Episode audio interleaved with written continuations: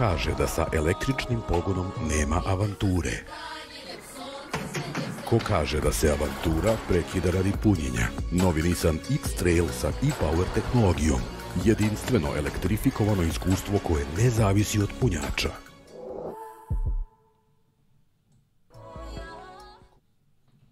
Ćao svima, ko kaže da nema Lab 76 četvrtkom i želimo vam dobrodošlicu, posebno izdanje, to je više nije posebno, vidjet ćemo da li ćemo uspeti baš svake nedelje da rađemo nešto novo zanimljivo iz perspektive tehničkih aspekata formule, ali još jednom dobrodošli i ja se nadam da ćete uživati. Lab 76 broj 283, ako se ne varam, i drugo izdanje F1 Technical za ovu sezonu. Nadam se da ćemo uspeti da uvedemo i Moto Grand Prix Technical, za onih koji vole Moto Grand Prix, to je svetski šampionat u motociklizmu.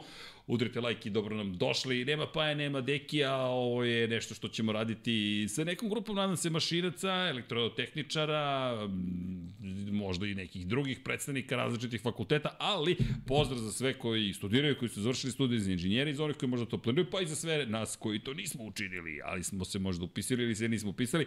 Kako god, želim vam dobrodošlicu i nadam se da ćete uživati. Danas ćemo pričati o onome što se događalo u Bahreinu, malo, o, malo više o Ferrariju, kao što možete vidjeti sve je u Ferrarijevim bojama, s obzirom na činjenicu da je najviše priče iz perspektive ne baš preterano dobre, bilo o Ferrariju, ali treba proći kroz neke stvari šta je to otkazalo kod Ferrarija, da li znamo zašto je otkazalo, ni Ferrari odmah da vam odgovori na pitanje, ne zna baš zašto, ali ima tu nekih zanimljivih momenta, pa čisto da objasnimo o čemu se radi, šta je uopšte ta kontrolna elektronika, gde stoji, čemu služi, koji su standardni delovi, koji nisu standardni delovi i uopšte da li se ovo nešto dogodilo prvi put ili se možda ponavlja istorija malo, bez obzira što Ferrari kaže ovo se nikada još nama nije dogodilo. Nije baš istina, ali pričat ćemo o tome. No, pre nego što krenemo, standardni poziv u ovom trenutku borimo se protiv kancera zajedno sa Majom Nedić i Nenadom Milunovićem, to su naši prijatelji, partneri, i ljudi koji zajedno kao par funkcionišu. Nenad Milunović je naš kolega sa sport kluba, naš dragi divni kolega koji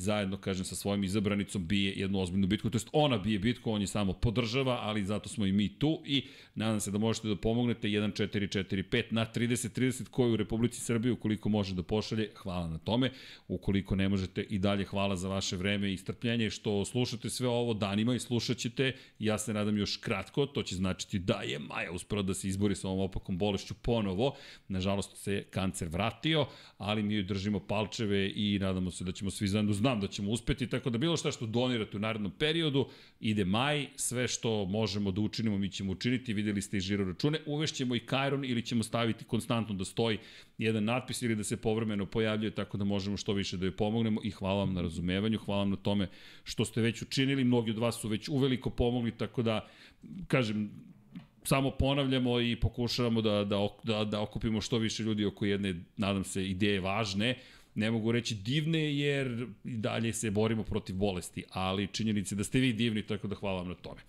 I pozdrav imate od Maje, imate veliki pozdrav od Nenada i to je sve što mogu da vam kažem u ovom trenutku. Nadam se da ćemo sledeće nedelje imati neke nove informacije, pozitivni držim palčeve, tako da eto, obaveštavat vas o tome šta se događa s Majom, ali to je naša prijateljica, pa eto, zajedno bijemo bitku da Maja, jel te, ponovo bude potpuno funkcionalna, zdrava i da se lepo zabavlja da nam dođe u studiju malo da gleda kako to izgleda iza kulisa. U svakom slučaju, hvala još jednom i hvala vam na, na strpljenju. I bez daljeg odlaganja bih krenuo na veliku nagradu Bahreina za one koji su možda propustili prvu trku sezone, 74. u istoriji Formule 1. Završena je velikom pobedom Red Bull Racinga, pre svega Maxa Verstappena, na drugoj poziciji bio njegov klubski kolega u Red Bullu Sergio Perez, treće mesto pripalo je spektakularnom Fernando Alonso, moramo da pričamo i o Aston Martinu i o tome šta su postigli, međutim Ferrarija nije bilo na pobedničkom postolju, četvrto mesto za Carlosa Sainca i prvo odustajanje u sezoni za Charlesa Leclerca, koji je sigurno će uticati i na uh, na ono što se događa u nastavku sezone, ali voleo bih da prođemo kroz to kakve su sve to implikacije i zapravo šta se to pokvarilo, gde uopšte stoji taj deo, čemu služi i šta su prve informacije koje dobijamo od Ferrarija. I s obzirom na činjenicu da prvi put pričamo na ovaj način, nadam se mi nećete zameriti što ćemo malo proći kroz pravilnik, što ćemo proći kroz to zapravo šta sve postoji u okviru te kontrolne elektronike, i neke definicije čemu to služi. Pošto postoji jedan bitan moment kada pričamo zapravo o kontrolnoj elektronici, govorimo zapravo o nekim aspektima koji možda, kaže možda mogu biti zbunjujući s obzirom na činjenicu da se dosta govori o elektronskoj kontrolnoj jedinici i o kontrolnoj elektronici. To nisu baš iste stvari i iz te perspektive samo mi dajte sekund da pozabavit ćemo se i činjenicom da McLaren zapravo proizvodi TAG 320B elektronsku kontrolnu jedinicu. Dakle, pričamo o tome da je to standardizovan deo. Međutim, ovde ne, priča, ne pričamo o tome da se pokvarilo bilo šta što je proizveo, dakle, samo da nađem standard ECU. E sad, Gde je nama standardna kontrolna jedinica? Dakle, standardna kontrolna jedinica je definisana u okviru Power Unit Control.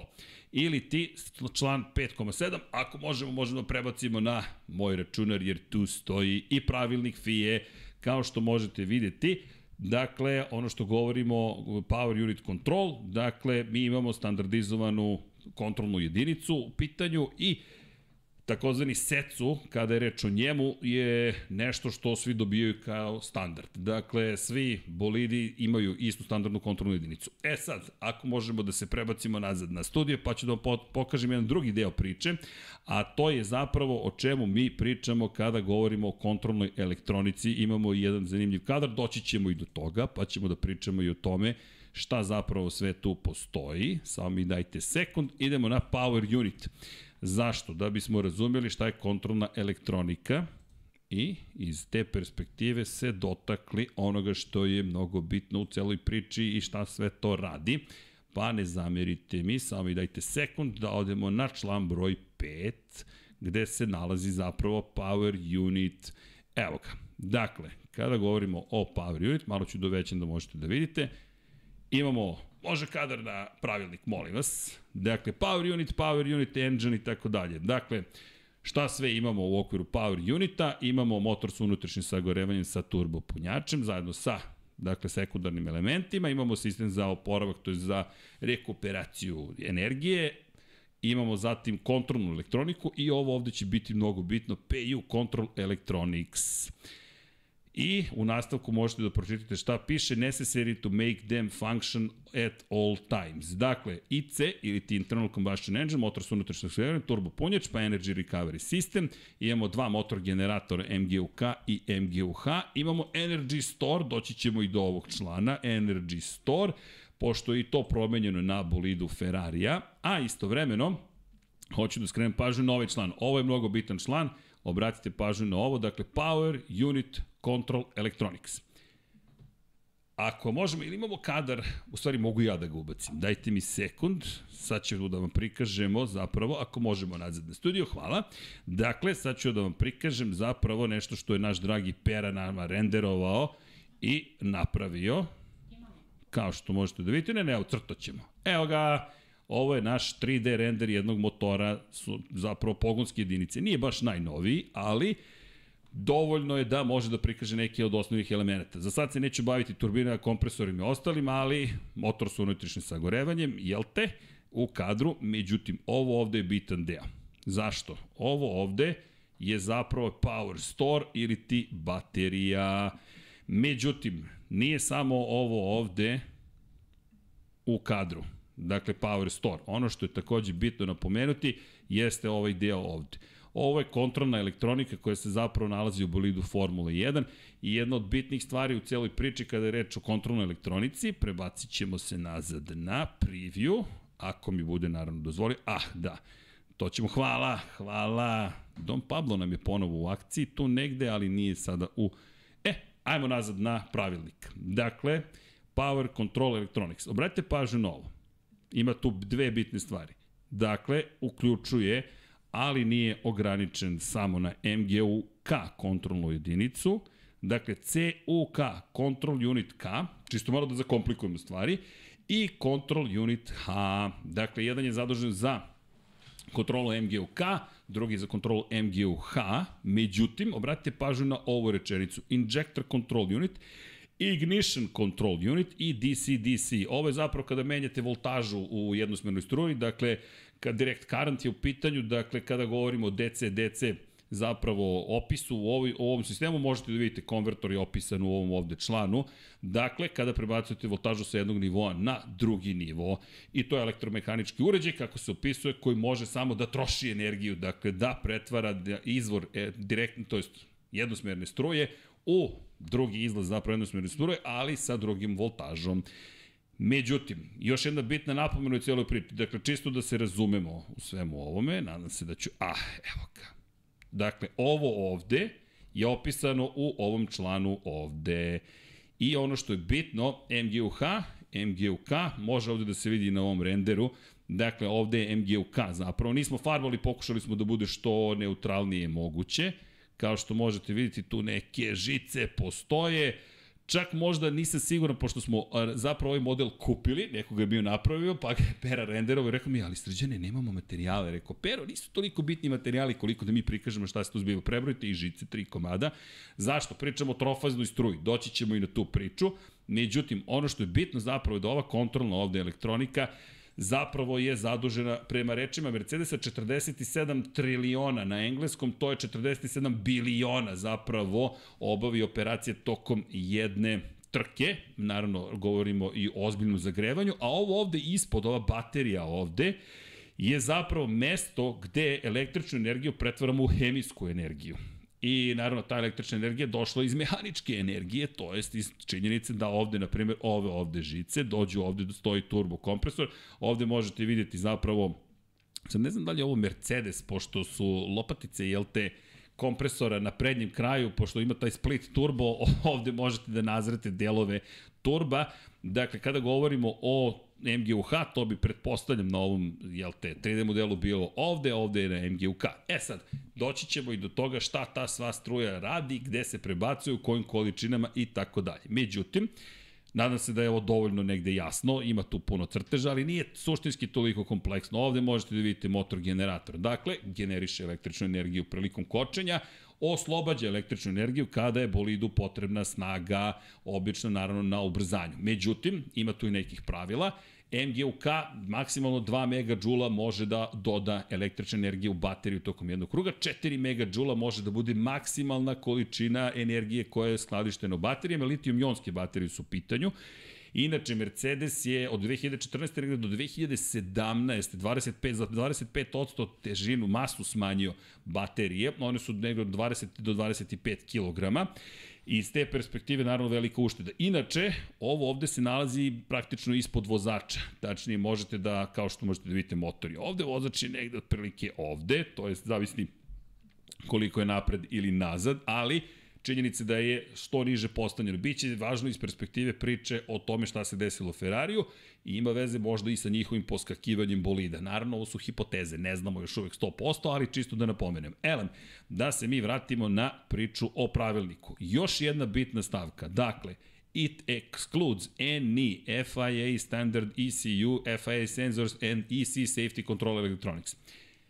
Šta to znači? Dakle, ovo znači da standardna elektronska kontrolna jedinica ne ulazi u Power Unit Control Electronics. Dakle, kada pričamo o kontrolnoj elektronici PUCE, mi ne govorimo o toj McLarenovoj standardnoj elektronskoj kontrolnoj jedinici, mi ovde govorimo o nečem sasvim drugom. Dakle, o nečemu što zapravo za zadatak ima da pri, za zapravo upravlja energijom, dobijanjem energije, oslobađanjem energije između MGUH, MGUK i na taj način zapravo utiče na taj ceo sistem pogona, pogonska jedinica i videli ste u pravilniku piše da je uloga zapravo ove kontrolne elektronike da obezbedi neometan rad u svakom trenutku za celu pogonsku jedinicu. I iz te perspektive veoma bitan element. Inače, ranijih je bilo šest, ako se dobro sećam, pa pet, sad smo došli na dva. I to je takođe važno. Zašto? Zato što Charles Leclerc možda, možda potencijalno sledi kazna i to vrlo ozbiljna. Neko je napisao negde da će dobiti pet pozicija po meranju nazad. Ne.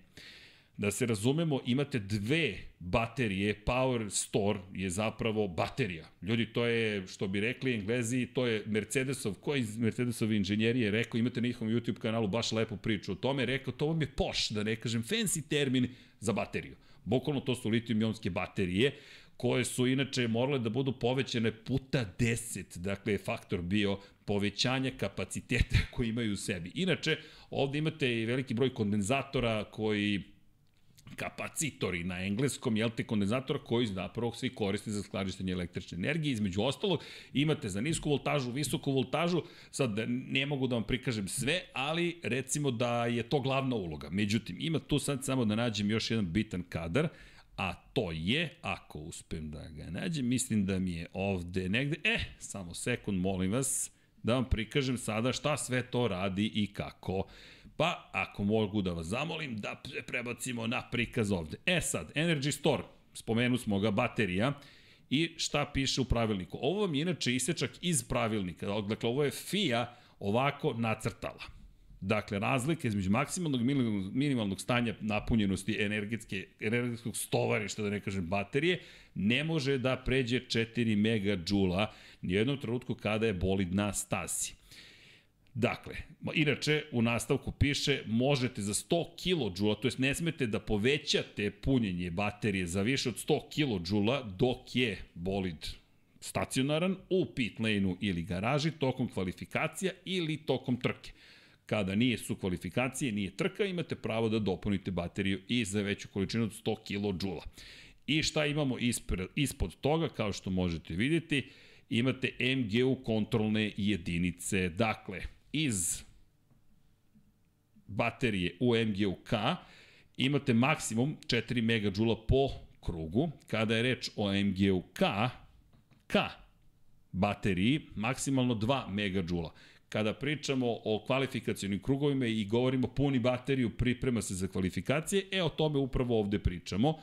Dakle, MGUK koji se nalazi ovde, jedan jedini, po, prema članu 5.1.6 definisan, 2 MJ maksimalno može da ode gore u bateriju. Iz baterije može da se isprazni cela, 4 MJ po krugu, međutim, naravno u trci, kada ispraznite bateriju do kraja, a možete da dopunite samo sa 2 MJ, imate par krugova u kojima ćete malo biti u problemu, pri čemu morate dakle, da punite bateriju. I nikada se praktično ne događa da samo praznite tokom trke, već to je kombinacija. Kada praznite, kada punite, kada se puni baterija, pogotovo kada je reč o MGUK, na kočenju to možete da vidite prema svetlima koje blinkaju na zadnjem krilu, da ne kažem spoileru, dakle, govorimo kao praktično štop svetlima. Nisu štop svetla, ali vam jasno govori da u tom momentu se puni baterija i kao što rekao 2 MJ maksimalno. Sa druge strane, jedan jedini MGUH, dakle jedna turbina, jedan kompresor i ta jedna jedinica samo može da se koristi, dakle single MGUH i kao što možete vidjeti, neograničene količine energije koje može da se razmeni između baterije i MGUH, ali opet baterija nikada ne sme da ima više od 4 MJ. E sad, Ferrari se igrao sa ovim, na primjer, ovim ovde sistemom. Dakle, iz MGUH prebacivanje snage u MGUK I, na primjer, ako se sećate i tih afera o tome da li se gorivo spaljuje, da li se ne spaljuje, ako dovoljno ubrzate zapravo MGUH, to je turbokompresor, i kažete sad ćemo da generišemo električnu energiju tu i dobacujemo je direktno u MGUK, vi povećavate zapravo kroz turbokompresor ne samo što smanjujete turbo rupu, već prebacujete električnu energiju u MGUK i tako dalje i tako dalje. Dakle, pressure charging system, kada govorimo o članu 526, dakle možemo sada da pričamo o turbokompresorima i tako dalje. Inače, kada govorimo o motoru s unutrašnjim sagorevanjem, možete ovde crvenom bojom vidjeti motor s unutrašnjim sagorevanjem, air sistem je zeleni i sve ostalo je beleženo plavim. Inače, imate mogućnost i da maksimalno skladištete dodatnih 300 kJ koje, dakle, van ERSA, van baterije možete da koristite, a maksimalno možete da vratite 20 kJ i ne možete da imate veće snage od 2 kW. Dakle, kada govorimo o bateriji koja obezbeđuje naravno električnu energiju za ostale sisteme, ona se takođe koristi, nemate alternatore i slične stvari, već koristite upravo ovaj ERS sistem. Samo da dodam još jednu stvar, dakle, kada se govori o oslobađanju snage i prikupljanju snage 120 plus 120 kW minus 120 kW i baterije jedino što se zapravo smatra izuzetkom jeste zapravo kada startujete ili nastavljate trku iz pit lane-a i može da se koristi zapravo samo dok ne dođete do 100 km na čas MGUK može da se koristi. Tako da znate, da, eto, da ne uđemo još veće definicije, ali Imate ovdje definisano 100 kg po času ne sme da bude veći protok benzina, to je goriva za motor sa unutrašnjim sagorevanjem, a ispod 10.500 obrtaja ne sme da prelazi, kao što možete vidjeti, Q, to je kilograma po času, 0,09 njutna kada govorimo o brojima obrtaja. Plus 5,5, pa eto, možemo da uđemo u matematiku, ali mislim da nema potrebe. Inače, ovo su najnovija pravila. Nadam se da sam razumljiv u svemu ovome pokušavam, ali ljudi, bitka je to. Dakle, to vam je pravilnik Formule 1, to bukvalno tako izgleda i to su stvari koje dobiju, jel te, inženjeri i onda moraju da nađu neki pametan način da prevare sistem, to jest ne da prevare, da u okviru sistema urade nešto što oni koji su pisali pravilnik zapravo nisu smislili. E sad, šta se pokvarilo kod Ferrarija i zašto? Vratit ću se na priču iz 2019. Čitam, ne morate da prikazujete, ali evo, ovo su priče iz 2019. godine, dakle, malo smo se, jel te, bavili istraživanjem, ili mi je to, ne, to sam našao dok sam se, jel te, vozio vozom iz Novog Sada za Beograd i nazad i tako dalje. Priča koju sam zaboravio, ali istražujući priču o ovome, slušajte ovo. Breaking news, 12. april 2019. godine. Ferrari uvodi novu kontrolnu elektroniku kako bi rešio probleme na motoru Charlesa Leclerca posle otkazivanja u trci za veliku nagradu Bahreina. Dakle, čisto da se vratimo četiri godine unazad, prva sezona Charles Leclerc u Ferrariju, prva, je to je bila peši čak i prva trka, jedna od prvih trka, u svakom slučaju, ne, nije prva zato što je Australija otvarala sezonu, ali možda druga ili treća, mislim da je bila druga, ne zamerite, nisam 100% siguran, ali šta se desilo za one koji su zaboravili i vratit ćemo se posle na pravilnik, Leclerc je bio na putu da zabeleži prvu pobedu u karijeri. Dosta upečatljivo, bio je fenomenalan u Bahreinu, trkao se protiv Sebastijana Fetela, tražio je dozvolu da pretekne Fetela, pretekao Fetela, pobedio Luisa Hamiltona, pobedio Valterija Bottas, obojcu u Mercedesu i djelovalo je da je to taj čovek. To je Ferrarijev budući šampion, možda još uvek jeste, ne znamo, evo ovde je Niki Lauda, ovde je Kimi Raikkonen u knjizi, dakle, izdvojili smo nekadašnje šampione i još uvek najsvežijeg šampiona iz Formule 1, Kimi Raikkonen za Ferrari, ali samo da se razumemo zašto kritike Ferrariju sam i uputio i stojim pri njima. Dakle, pre četiri godine došlo je zapravo do kratkog spoja kada je reč o sistemu za kontrolu čega? Injection ili ti ubrizgavanja. Ako se vratimo samo na sekund, mi dajte da nađem ponovo taj član gde piše šta možemo nazad, molim vas. Dakle, gde je Injector Control Unit? Vidite je ovde u Power Unit Control Electronics. Šta je Ferrari promenio pre 4 godine? Čudno mi čuda, kontrolnu elektroniku. Rečenice, rečenice iz te sezone su da im se to još nije nikada desilo. Inače, zahvaljujući tom problemu sa kontrolom zapravo ubrizgavanja, jedan cilindar je otkazao od 6 na motoru sa unutrašnjim sagorevanja Charles Leclerca i Lewis Hamilton u završnici trke s lakoćom mogao da ga pretekne, pretegao ga je i Valtteri Bottas i završio trku na trećoj poziciji. Tako da, cijela priča da to baš se nije nikada desilo ništa slično, nije u potpunosti istinita. Ne znamo još uvek šta se tačno desilo, ne želim da vas zavaramo naslovima, ali znamo da je otkazala kontrolna elektronika, da ne bude zabune, nije, dakle, McLarenova elektronska kontrolna jedinica, otkazala već kontrolna elektronika. To je bitno, ja smatram da je važno to napomenuti, kao što ste videli i piše u ovom članu, ne mora da bude fina standardna elektronika. Inače, svojevremeno je Matija Binotto zapravo lobirao kod Alfa Rome da preuzme kontrolnu elektroniku koju proizvodi sam Ferrari.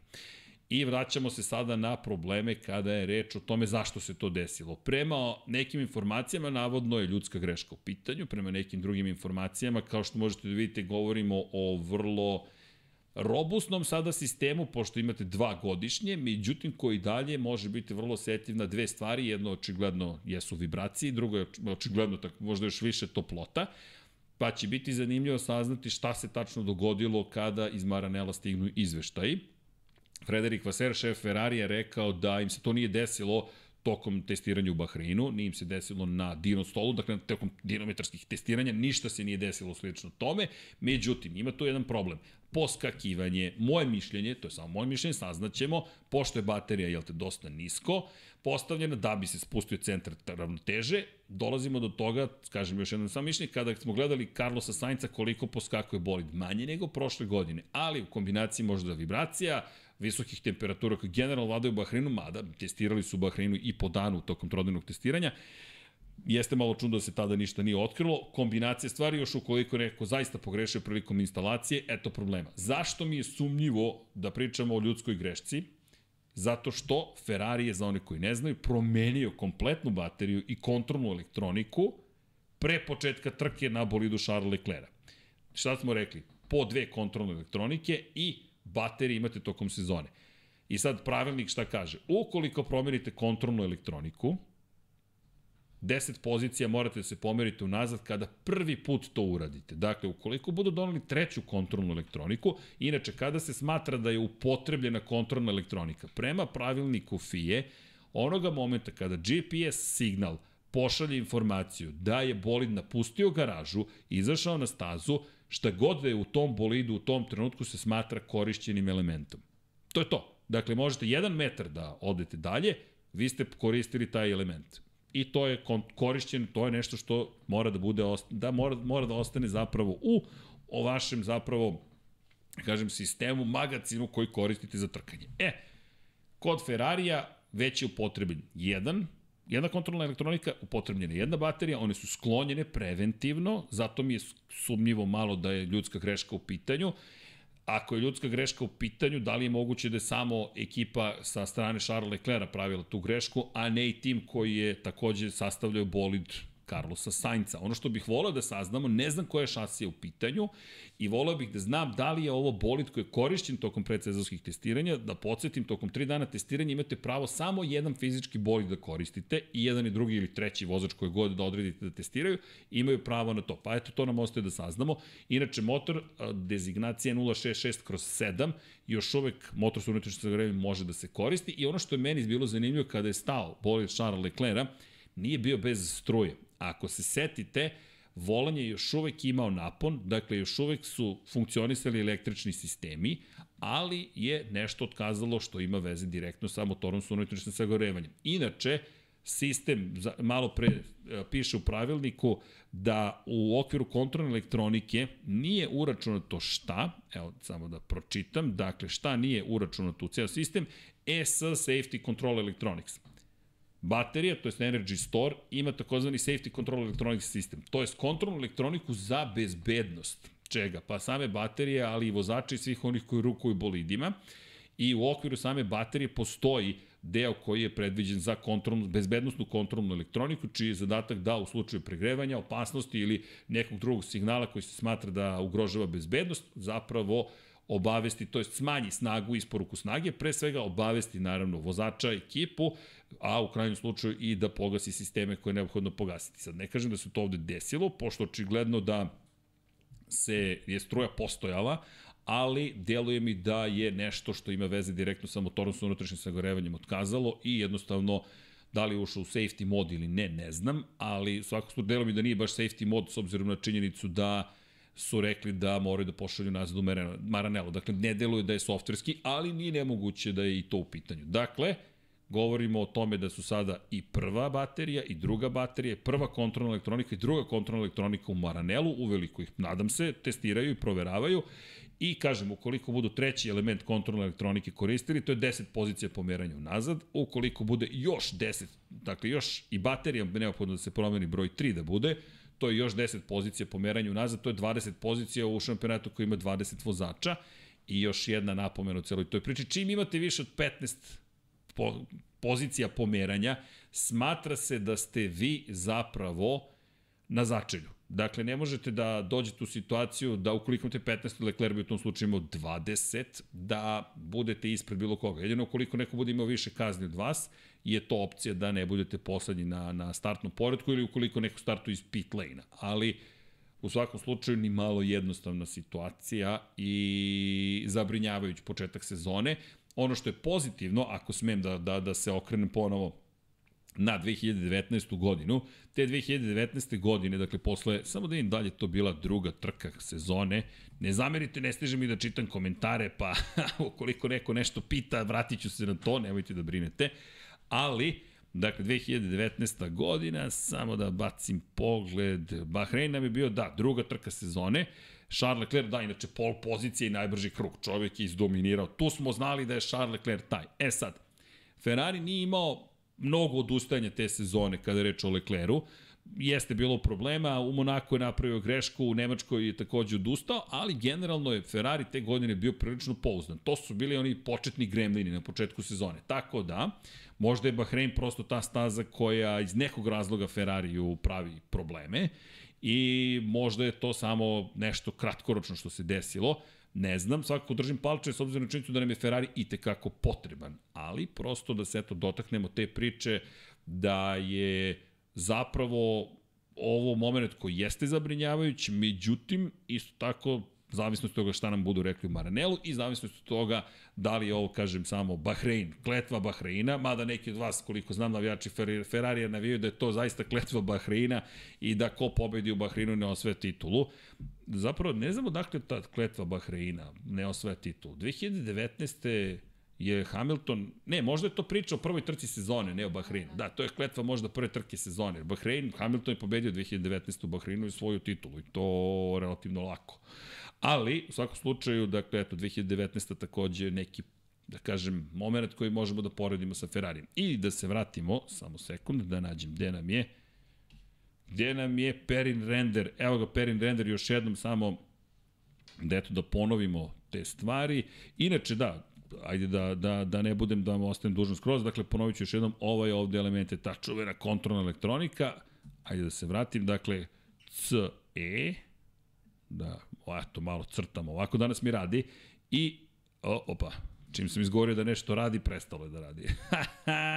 Ali dobro, i imamo, ah, ajde srđane, možeš ti to, ovo je moj potpis, es, dakle, ovde vam se to odvaja i jedno stoji na drugom zapravo, E sad, ajmo da se dotaknemo samo na još jedan sekund zapravo ove kontrolne elektronike. Mislim da to vredi spomenuti zašto iz perspektive, ovo je 2019. Dakle, pogled na, na, na Wikipediju, dakle, koja mi je najbrži izvor informacije u ovom trenutku, ali čekajte da vam nađem sada informaciju da li imamo nemamo baš ovaj novi render koji sam hteo, ali nema veze, Pera ja ćemo se potruditi da napravimo još bolji render, mada se ja nadam da je i ovo dovoljno dobro. Želim da vam pokažem zapravo gde se u celoj toj priči nalazi koji deo. E sad, kada pričamo o baterijama, volao bih još jednu stvar da vidimo da li mogu da vam prikažem. Dajte mi sekund, molim vas, ukoliko uspem u ovoj celoj priči, ali nisam siguran da će mi to baš poći za rukom. Samo sekund, molim vas da vidim da li mi je ovde render kako treba. Sad ćemo mi to da nađemo. Ne mogu, nažalost, da nađem. Nema veze. Ok, kada govorimo, dakle, o, o kontrolnoj elektronici, samo još jedno da napomenem, dakle, e, imamo sistem za kontrolu kinetičke MGU jedinice i MGUH jedinice i ono što sam malo prespomenuo, ajde, možda to nije nezanimljivo, jeste činjenica da, da je da postoje dve strane zapravo kažem jedna je za, za nisku voltažu jedna za visoku voltažu u kontrolnoj elektronici i ono što zapravo šta se događa jeste da imamo sistem koji u okviru samog same dakle same kontrolne elektronike zapravo zadužen da da, da vrši razmenu struje, električne energije. I ne samo to, već da menja i da li je naizmenična struja ili je jednosmerna struja. Mislim da je to takođe važno na, napomenuti s obzirom na činjenicu da takođe to zahteva, jel te, gubitak energije, to je toplota se generiše, pošto ne možemo da imamo savršen sistem održanja energije i zato se toliko i zagrevaju što baterija, što naravno kontrolna elektronica i zato mislim da je i tekako važno pratiti i u budućnosti trke na kojima će biti visoke temperature. Sad, ovo su samo pretpostavke, ne znamo da li će Ferrari ustanoviti gde je bio problem. Šta se još koristi za hlađenje tog sistema? Vazdušno hlađenje nije dovoljno i zapravo koristi se, da kažemo, vodeno hlađenje, koriste se naravno i posebna ulja koja Petronas inače baš hvali time u okviru promotivnog jednog videa Mercedesa, da njihov sistem pomaže da se ohladi kompletna baterija kontrolna elektronica, ali eto čisto da napomenem zašto, zašto smatram da je bitno da se razume da je to trofazna struja koja se potom pretvara i u jednosmernu struju, pa i kada govorimo o tome kako zapravo funkcioniše razmena energije, govorimo o nekim prilično ozbiljnim sistemima, i iz te perspektive svaka čast svim proizvođačima što im je dovoljno zapravo dve kontrolne elektronske dve kontrolne elektronike da koriste i dve baterije. Ferrari vidjet ćemo da li će ove godine biti taj ili ne. Ali eto, na to je neka priča o Ferrariju. Ne zamerite, malo je potrajalo, ali nam se da je vredelo. da je vredelo zapravo da se upoznamo za šta se tu sve događa. Sad, kome prija, hvala kome ne prija, recite šta ne prija pa da napredujemo svi zajedno, ali hvala u svakom slučaju za strpljenje. E sad, ima tu još jedna stvar koju želim da vam prikažem, a tiče se, prvo zapravo hoću da se zahvalim u celoj priči, samo da nađem gde čoveku Twitter nalog, zašto? Pa, znate kako kad tako skitate po Twitteru, popoznajete razne ljude, pa onda kažete, ej, čekaj, ovde su neki zanimljivi ljudi, koji se, jel te, bave, mašinski inženjeri koji se bave i da kažemo amaterski uslovno rečeno aerodinamikom. Kada kažem amaterski, to ne znači da oni su loši u tome, nego prosto da nisu plaćeni da ovo rade. Međutim, vole zapravo time da se bave i onda mi stupimo u kontakt sa njima i pokušamo da formiramo još neki korak dalje. E sad, sledeće nedelje možda će nam se Anesi pridružiti, ali danas sam uriče upoznao neki momki sa zapravo fakulteta mašinstva u Novom Sadu, pošto smo, jel te, u Novom Sadu, dođite na sajam knjiga u Novi Sad, posetite nas, otvoren je ulaz, pa ko je raspoložen, samo neka svrati, nadam se da ćete uživati, ja verujem da, da vredi doći, pa makar da se družimo. Elem, ovo što ćemo vam sad prikazati nam je pripremio Ares Begović, inače ovo možete da nađete kod njega i tiče se Aston Martina. Imamo dve stvari, ovo je zanimljivo. I sad, ovo je Computational Fluid Dynamics, ali nismo Mercedes, nismo Ferrari još.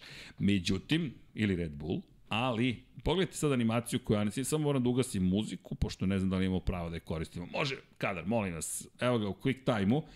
I šta je Anes uradio? On je sam napravio zapravo neku pojednostavljenu verziju takozvanog Beam Winga. Beam Wing je još jedno krilo koje se nalazi za glavnog krila. I obratite pažnju na ovo. Ovo je neki rudimentirani difuzor, dakle, ne brinite, napravit ćemo, mi dogovorili smo se da Pera i ja pronađemo 3D model zapravo, ako ne postoji da ga napravimo, Tako da potrudit ćemo se da kupimo neke modele, makete, dakle zapravo bolida iz 2022. 23. pa da ih ubacimo u 3D i onda da ih pustimo kroz software za Computational Fluid, Dynamics i da napravimo Flow Simulation koji ovde vidite. E sad, obratite pažnju na plavu boju.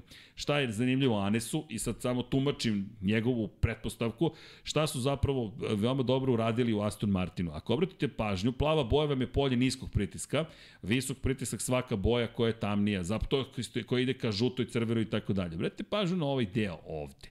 Dakle, možete ga videti i, i, i, i, i, i na sledećem kadru, kako se pojavljuje, ajde da ga zovemo oblakom, tako ga je on opisao, koji zapravo formira polje niskog pritiska i u kojem je Aston Martin zapravo našao još jedno dodatno rešenje kako da ubrza vazduh, kako da poboljša prinjanjanje, a da ne stvori dodatni otpor, aerodinamički otpor. Dakle, o čemu pričamo? Čekajte, imam sad Ferrari, nema veze, ovo su stari modeli, ali opet to će sve da posluži nekako. Suštine su tu uvek vrlo slične, dakle, point je u sledećem, dakle, kada govorimo o Beam Wingu, na primjer, koje se nalazi, inače ono zna da se nalazi i ovde, sada zavisi od pravilnika, ovo je malo, evo, možemo ovako da pogledamo, i difuzora, difuzor kojim je posao zapravo da izjednači polje visokog pritiska koji se nalazi iznad bolida i niskog pritiska koji je ispod, što je brži vazduh, dakle, cilj nam je da ubrzanje vazduha ispod bolida smanjimo polje, to je smanjimo pritisak, dakle formiramo polje niskog pritiska, čime dobijamo da se zapravo pribije bolid za samu stazu. Dakle, govorimo o takozvanom nizgonu, negativni uzgon. Red Bullova tajna, to je negde zaključak na osnovu prošle godine, a sada i Aston Martinova, jeste optimizacija zapravo protoka vazduha ispod bolida. Zašto? Pričali smo o Venturijim tunelima, inače Anes mi je rekao, ej, vodi računa o zapravo ulaznim otvorima za, za Venturijeve tunele, spoljni, to sam zaboravio da napomenem i hvala Anesu na korekciji, zapravo služi za outwash. Dakle, ne služi svi samo da uvedu vazduh u pod bolida, već jedan služi i za outwash, to je da izbaci što više, što veću količinu prljavog turbulentnog vazduha sa spoljne strane. Elem, to je fotografije, naći ću je posle pa ću da nacrtam ponovo zapravo o čemu se radi, ali pojenta je u sledećem, dakle, kada je reč o efikasnosti Venturijevih tunela koji su ispod bolida. Red Bull je došao do tog stadijuma da tako usisa bolid, da sformira takvo polje aerodinamičkog pritiska, to je negativnog potiska, da mogu da smanje količinu opterećenja koje formiraju površine koje se nalaze iznad. E sad, ako se vratimo, čekajte da nađem fotografiju jednu lepu Red Bulla, ako se vratimo na Red Bull, samo da nađem gde je, u celoj ovoj priči. Dakle, Bahrein 2013. testovi i moram da se dotaknem Aston Martina, Anes mi iznio jednu vrlo zanimljivu ideju. E sad, doći ćemo gde nam, gde nam je, evo ga, Red Bull. Dakle, ako obratite pažnju na Red Bull, šta Red Bull radi, opet se vraćamo malo nazad, Sergio Perez nam je u kadru, može kadar, molim vas. Dakle, sad ćemo opet da crtamo, opa, ovog puta imam sve alate. Dakle, vratite pažnju, taj takozvani ajde, downwash koncept, koncept koji ima slide, to jest tobogan praktično. Šta radi Red Bull? Dakle, ovde ispod bočnih otvora, dakle, vazduh prolazi, ovde se nalazi podmat, sad se ocenki baš ne vidi najbolje, ali nije mi loše crtanje. I pošto sada pod bolida, sve ono što prolazi od vazduha ispod formira zapravo usisavanje bolida i on je već pribijen na dole, vi možete zapravo šta da radite?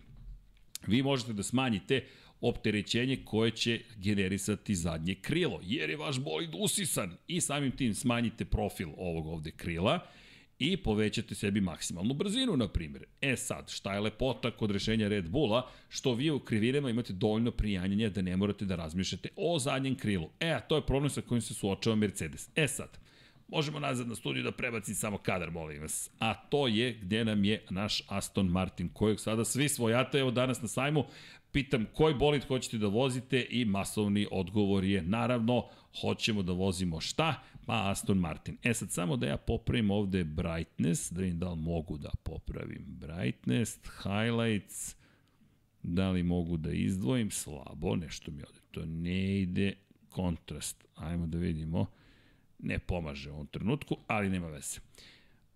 Ajde da vidim da li će E, ovako možda biti bolje. Dajte mi samo sekund da namestim. U, ovo će da bude, nije najlepša fotografija, Hasane, ne zameriš, što ti skrnavim umetničko delo, ali je dobro za, za da uvidimo šta se ovde događa. Može kadar nazad, molim vas. U, ovo je top, ovo nisam uradio prošle nedelje. Jao, pa ovo je fenomenalno.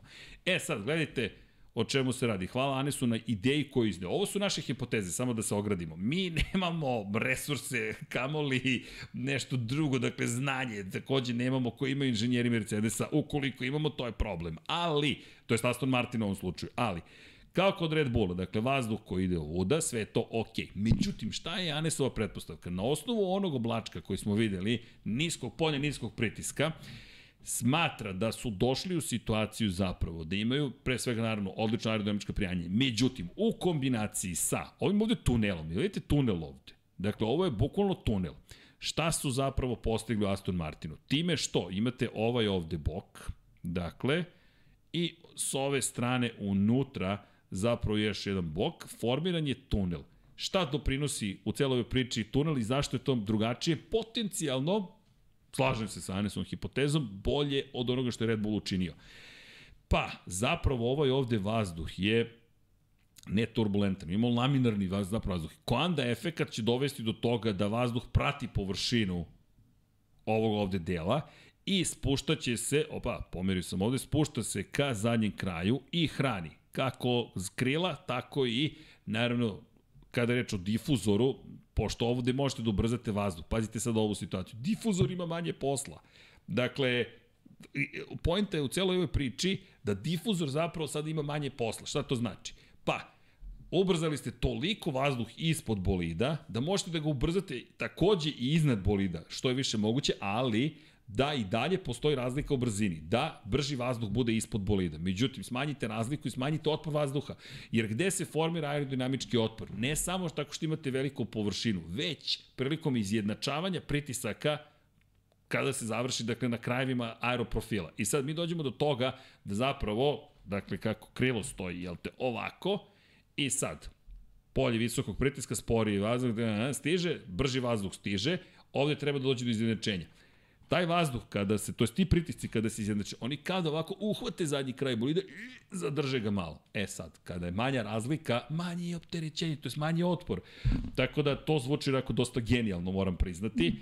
Pa eto, naša pretpostavka, I ne zamerite, ali eto, dovoljno smo ako ništa drugo hrabri ili šašavi da, da iznesemo takve tvrdnje, ali ima logike kada razmislimo o tome kako funkcioniše neka bazična aerodinamika. Naravno, ovo su super kompleksni sistemi i ovo su neke naše osnovne pretpostavke. Aerodinamika igra ogromnu ulogu u Formuli 1, pogotovo u ovoj novoj eri jel te, efekta tla. Iz te perspektive, meni se dopada ovo razmišljanje koje Anes izneo. Ja se nadam da će nam se on pridružiti sledeće nedelje. I ne samo ono, on poziva mašince da se jave, elektrotehničar, elektroničar, ljudi, ispravite me, ja sam, da kažemo, u osnovama ovoga, ne, nekad davno sam bio tehničar za robotiku i fleksibilne proizvodne sisteme, Dakle, imali smo i matematiku, matematički gimnazij, numeričku matematiku, radili smo na MKO mašinama, programirali smo MKO glodalice, MKO strugove, programirali robotsku ruku Mitsubishi u robotsku ruku. Dakle, radili smo sve i svašta, ja sam radio, iako sam posle prešao u novinare, ali je poenta u tome da smo zaista se bavili i fizikom, i statikom, i mehanikom, bavili smo se zaista elektrotehnikom, zatim smo se bavili mašinskim materijalima, mašinskim elementima itd. Međutim, ta znanja se zaborave. Više se bavim nekim drugim stvarima. No, ko želi da pomogne, da bolje razumemo Formulu 1, da pričamo o nekim stvarima i naravno da ne ponavljamo samo šta je neko negde rekao. Ne, ovo su neke naše ideje, naše razmišljanje. Kada je priča o kontrolnoj elektronici, bukvalno je naša priča, ovo je naša priča, Anis ja smo se sinoć ispričali, čovjek je rekao ne mogu danas da se pridružim, ali možda sledeće nedelje. Tako da, Pozvani ste svi inženjeri ili budući inženjeri i inženjerke, naravno javljajte se ljudi pa da zajedno bistrimo. Ono što mi nedostaje, MotoGP, ljudi, hoće neko da sedne da mi pomogne oko Moto Grand Prix. Ako neće, ja ću sam da uzmem i da crtam po Moto Grand Prix motociklima. Možda mi se pridruži, mada on čovek je dosta zauzet, pa ćemo da vidimo, ali vidjet ćemo da li ćemo imati gospodina Boma kod nas kao gosta, to je čuveni inženjer koji radi u Kiefer Racingu, on je više nego raspoložen da radi sa nama, ali isto tako razumite da ćemo to morati na engleskom. Mi ne pričamo holandski, on ne priča naš jezik, tako da to ćemo da se nađemo negde na engleskom. Ali Peter Bom, legenda, hvala mu na, na generalno interesovanju da radimo nešto zajedno. I hajde da vidimo. To je inače od kada smo crtali na Red Bullu uživo, rekao, čekaj, šta, šta vi radite? Rekao, svašta mi radimo i tako. E, sad ostaje mi priča o Mercedesu i telemetriji. Uf, Mercedes. Najnoviji komentar Luisa Hamiltona je da zapravo Mercedes nije htio da posluša šta je predlagao kada je reč o tome šta nedostaje bolidu. Moram da se osvrnem, to pričat ćemo pa je još o tome, ali pošto to pre svega tehnički aspekt, osvrnuo bih se na nešto što je rekao Lewis Hamilton, a tiče se njegove karijere u McLarenu. Rekao je, imao sam mnogo ovakvih bolida u McLarenu. Dakle, nije baš poštedeo svoju staru ekipu. Ne ulazimo u to da li su mu komentari na mestu, nisu na mestu i tako dalje. Dakle, to je kompleksno uvek, ali bih se osvrnuo na to zapravo koje rezultate Lewis Hamilton ostvarivao u tom čuvenom McLarenu, koliko je bilo odustajanja, koliko je bilo problema, šta se sve događalo i tako dalje i tako dalje. Zanimljivo zapravo da je jedna od najgorih njegovih sezona, rekao bih ne jedna od, nego najgora sezona zapravo sezona dominacije Bron Grand Prix-a. Te sezone, kada je branio titulu, bio je peti u šampionatu, 49 poena. Međutim, ne zaboraviti, sistem bodovanja se promenio posle toga i u toj sezoni dve pobede je zabeležio, nije baš bilo spektakularno, drugi deo sezone je bio mnogo bolji, kao i većini kada, koja je sustizala zapravo Bron Grand Prix. Međutim, kada je reč o McLarenu, u, na primjer, 2010. Hamilton je imao tri odustajanja, imao je tri odustajanja 2011. i 2012. je imao čak pet odustajanja zvanično, mada možemo da računamo i veliku nagradu Evrope kao jedno od ustajanja, tu je bio kvalif, klasifikovan. Bilo je tu incidenata i grešaka i tako dalje i tako dalje. Međutim, posle toga je rekao, to je tokom te sezone rekao, ok, vreme je da se povučem iz cele ove priče. Bilo je priče o njegovim pol pozicijama, zaista impresivan po broju pol pozicije, neverovatan je čak i u eri McLarena bio po broju pol pozicija, preko 20 ih imao čak i tada. Tako da u kombinaciji sa moćnim Mercedesom to je nekako bila data stvar da će oboriti rekord. Međutim, u šampionatu drugi, to je vice šampion u debitanskoj sezoni, pa šampion, pa peti, pa četvrti, pa peti, pa četvrti, pa četvrti, posle toga period kada je samo bio prvi ili drugi, prošle godine šesta pozicija u šampionatu sveta, najgora pozicija u njegovoj karijeri. Dakle, nikada gora pozicija. Trenutno je peti, pošto je bio peti u Bahreinu. I sad, gde dalje za Mercedes? Nije uopšte mala priča, tiče se, tiče se tehničkog razvoja. Dakle, ovo nije priča o tome da Hamilton sada govori, ok, čekam da Mercedes nešto konkretno uradi, ne, da nešto uradi. Ne, ovo je konkretno i Toto Wolff je rekao da se oni dalje drže kao ekipa koja će zajedno da funkcioniše. Kada pogledate ono što smo malo pre pričali o konceptima, Nije nerazumljivo što je Mercedes pokušao bez tih širokih otvora. Međutim, postoje tu problemi kako nahraniti taj zadnji difuzor dodatno, kako iskoristiti površine koje vam pružaju bočni otvori, ti široki horizontalni bočni otvori, koje iskreno trenutno ne razumem u kontekstu toga gde Mercedes želi da ode. Šta je problem? Nije toliko problem da li ćete vi generisati, na primjer, dodatni, dodatni aerodinamički potes, to je nizgon, je, i koji naravno dolazi u scenu i povećanja otpora, ali smanjen je očigledno otpor. Međutim, turbulentnost tog vazduha je iznad, na gornjem delu brine. Iz perspektive toga da li Mercedes to može da obuzda, to su pretpostavke i ne znam da li ovaj koncept ima još uvek nekog života. Ja mislim da će oni do Bakova da guraju i da je to poslednji pokušaj. I ne vidim, iskreno s jedne strane ih razumem, ali sada već sebe uvode u poziciju, tehnički ih razumem, ali sad je ovo na nivou odeljenja za istraživanje i razvoj. U firmama Research and Development je u jednoj blaženoj poziciji, zato što Research and Development nikad ne mora da pravi pare. U ovom slučaju, kako prenesemo ne na pare, već na rezultate, R&D ne mora nikada da stvori poene. Ne mora da ostvari ništa, nego da istražuje. E sad, ovo je malo drugačija situacija, vi ste ovde trkate, imate konkurente i morate da budete više onaj praktični inženjer koji mora da kaže, ok, hoću da radim research and development, ali moram da donesem rezultate. To se trenutno ne događa i to je samo moja procena, nemam pojma da li ću biti u pravu, ali mislim da će taj pokuš, poslednji pokušaj biti do Azerbejdžana, međutim, pošto je zgusnut kalendar, Utiska sam da će, ukoliko do Azerbejdžana ne promene svoj pristup, zapravo Mercedes biti u situaciji da mora da čeka da se završi praktično pola sezone. Zašto to mislim? Pa imamo četiri nedelje između velike nagrade Australije koja je treća trka sezone. Ne zaboravite već za koliko danas je četvrtak, 8 dana prvi trening, dakle za 10 dana je druga trka sezone. Posle toga, dve nedelje kasnije, idemo iz Saudijske Arabije u Australiju i četiri nedelje posle toga stižemo u Baku. Ukoliko u te četiri nedelje Mercedes ništa ne promeni, cenim da su onda rešili da Azerbejdžan i Miami sigurno voze sa ovim konceptom bolida, a onda dve nedelje posle toga imamo Emiliju Romanju, Monako i veliku nagradu Španije u rasponu od 15 dana. Ili ti, ukoliko do, do Imole ne vidite ništa novo, to je već pola sezone praktično koje moraju da posvete ovom bolidu, ajde, trećina svakako, to će biti osma trka sezone. Tako da, mislim da će Azerbejdžan dati odgovore, a pritom ne vidim kako ću dve nedelje između Majamija, idete dakle, preko okeansku trku do Imole, gde imate triling trka, gde, gde, gde da li ste spremni da uđete u tri trke za redom, u tri trkačka, u tri kalendarska vikenda za redom, sa nečem što niste testirali do tada dovoljno. Ne znam, ali mislim da se to neće desiti. I ostaje nam za kraj, ne zamerite, što ostaje za kraj, telemetrija, Aleksa Vučaj nam je bio vredan, sad ne znam, tu se oslanjam na našu dragu produkciju i realizaciju, da vidimo koje su nam kadrove pripremili i s obzirom na činjenicu da nisam baš najbolji tumačio, Aleksa i ja smo se sreli pozdrav za Aleksu, ekipa iz Novog Sada, je bila i juče i na, na, na, na našem štandu. Be, ulaz je besplatan, ljudi, svratite, doćete da se družimo, imamo i kafu, dakle, aparat za kafu, dakle, Nespresso, nemamo bolje od toga, ali verujte, nije loše.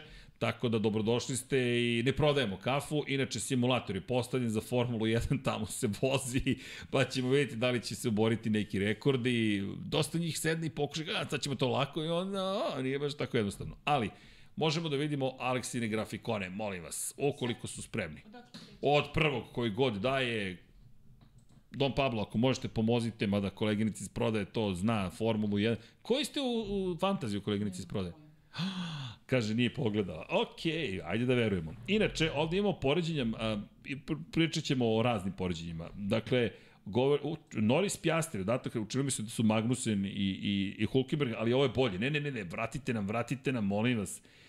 Mislim da su da se pokrenuo slajd, ovo su Russell i Hamilton. Ne, ne, ne, ono je bilo super. Piastri, Uf, ode, odoše kadrovi, sad smo na Cunodi i Devrisu, I, ok, nešto se trenutno automatski pokrenulo, ali makar gledate lepe grafike kako se smenjuje. Može pauza na nekom od grafikona. Nema, iz, otrgo se kontroli. Čekajte, pogledajte ovo, Verstappen, Hamilton, ili ima ikakve razlike ovde između njih dvojice? Aleksa, jesi ovo precrtavao? Da li je moguće? Ajde da sačekamo samo da vidimo gde će, da li će da nam profunkcioniše sistem pa da se zaustavimo na nekom kadru. Evo, Verstappen i Perez. Najmanje zanimljivo od svega što imamo da analiziramo. Ali okay, ajde da, da vidimo da li možemo nešto drugo. Verstappen sa... Jel to sad se igramo ili čekajte da pohvatamo, da li možemo da zaustavimo neki kadar? Ajmo da ugasimo onda, jer ovo neće biti mnogo smisleno, nego da sačekamo mi da postavimo to kao mogu ja da dobijem, stvari, sad ću ja to da otmem, pa ćemo da stavimo na moj računar, pa ćemo da crtamo. Dajte mi sekund da to sredimo. I to je na, na Google Drive-u. Sad ćemo da ih nađemo na Google Drive-u. Sad ćemo mi to sve da sredimo. Dakle, dogledate Alonso i Strola. Mm, samo sekund, molim vas, gde da mi je Lab 76, broj 283. Sad ćemo da ga nađemo.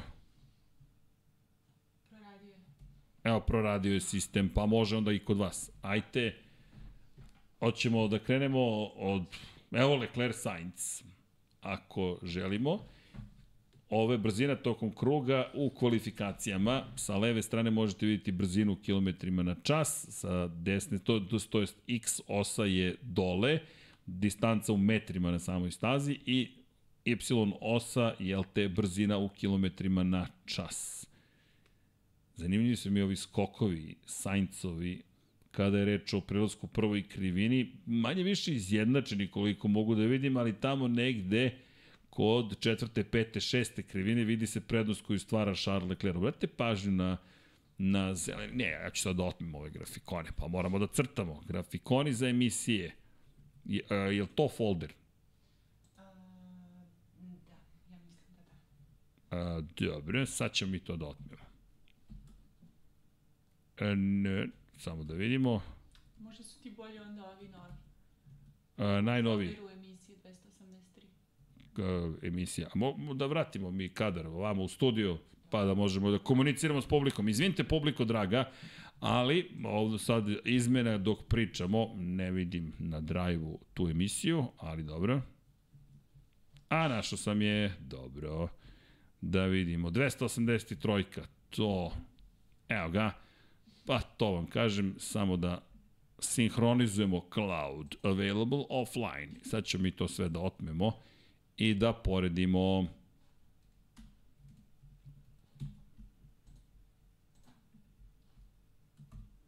što je zanimljivo razlika u vreme u vreme u ali je ga ah, ovde imamo ozbiljna ozbiljne neke momente je ubacio Aleksa u celu ovu priču. Samo mi dajte sekund da vam pokažemo. E, ajmo mi Verstappen Leclerc da analiziramo, to je zanimljivo. U, što je ovo dobro.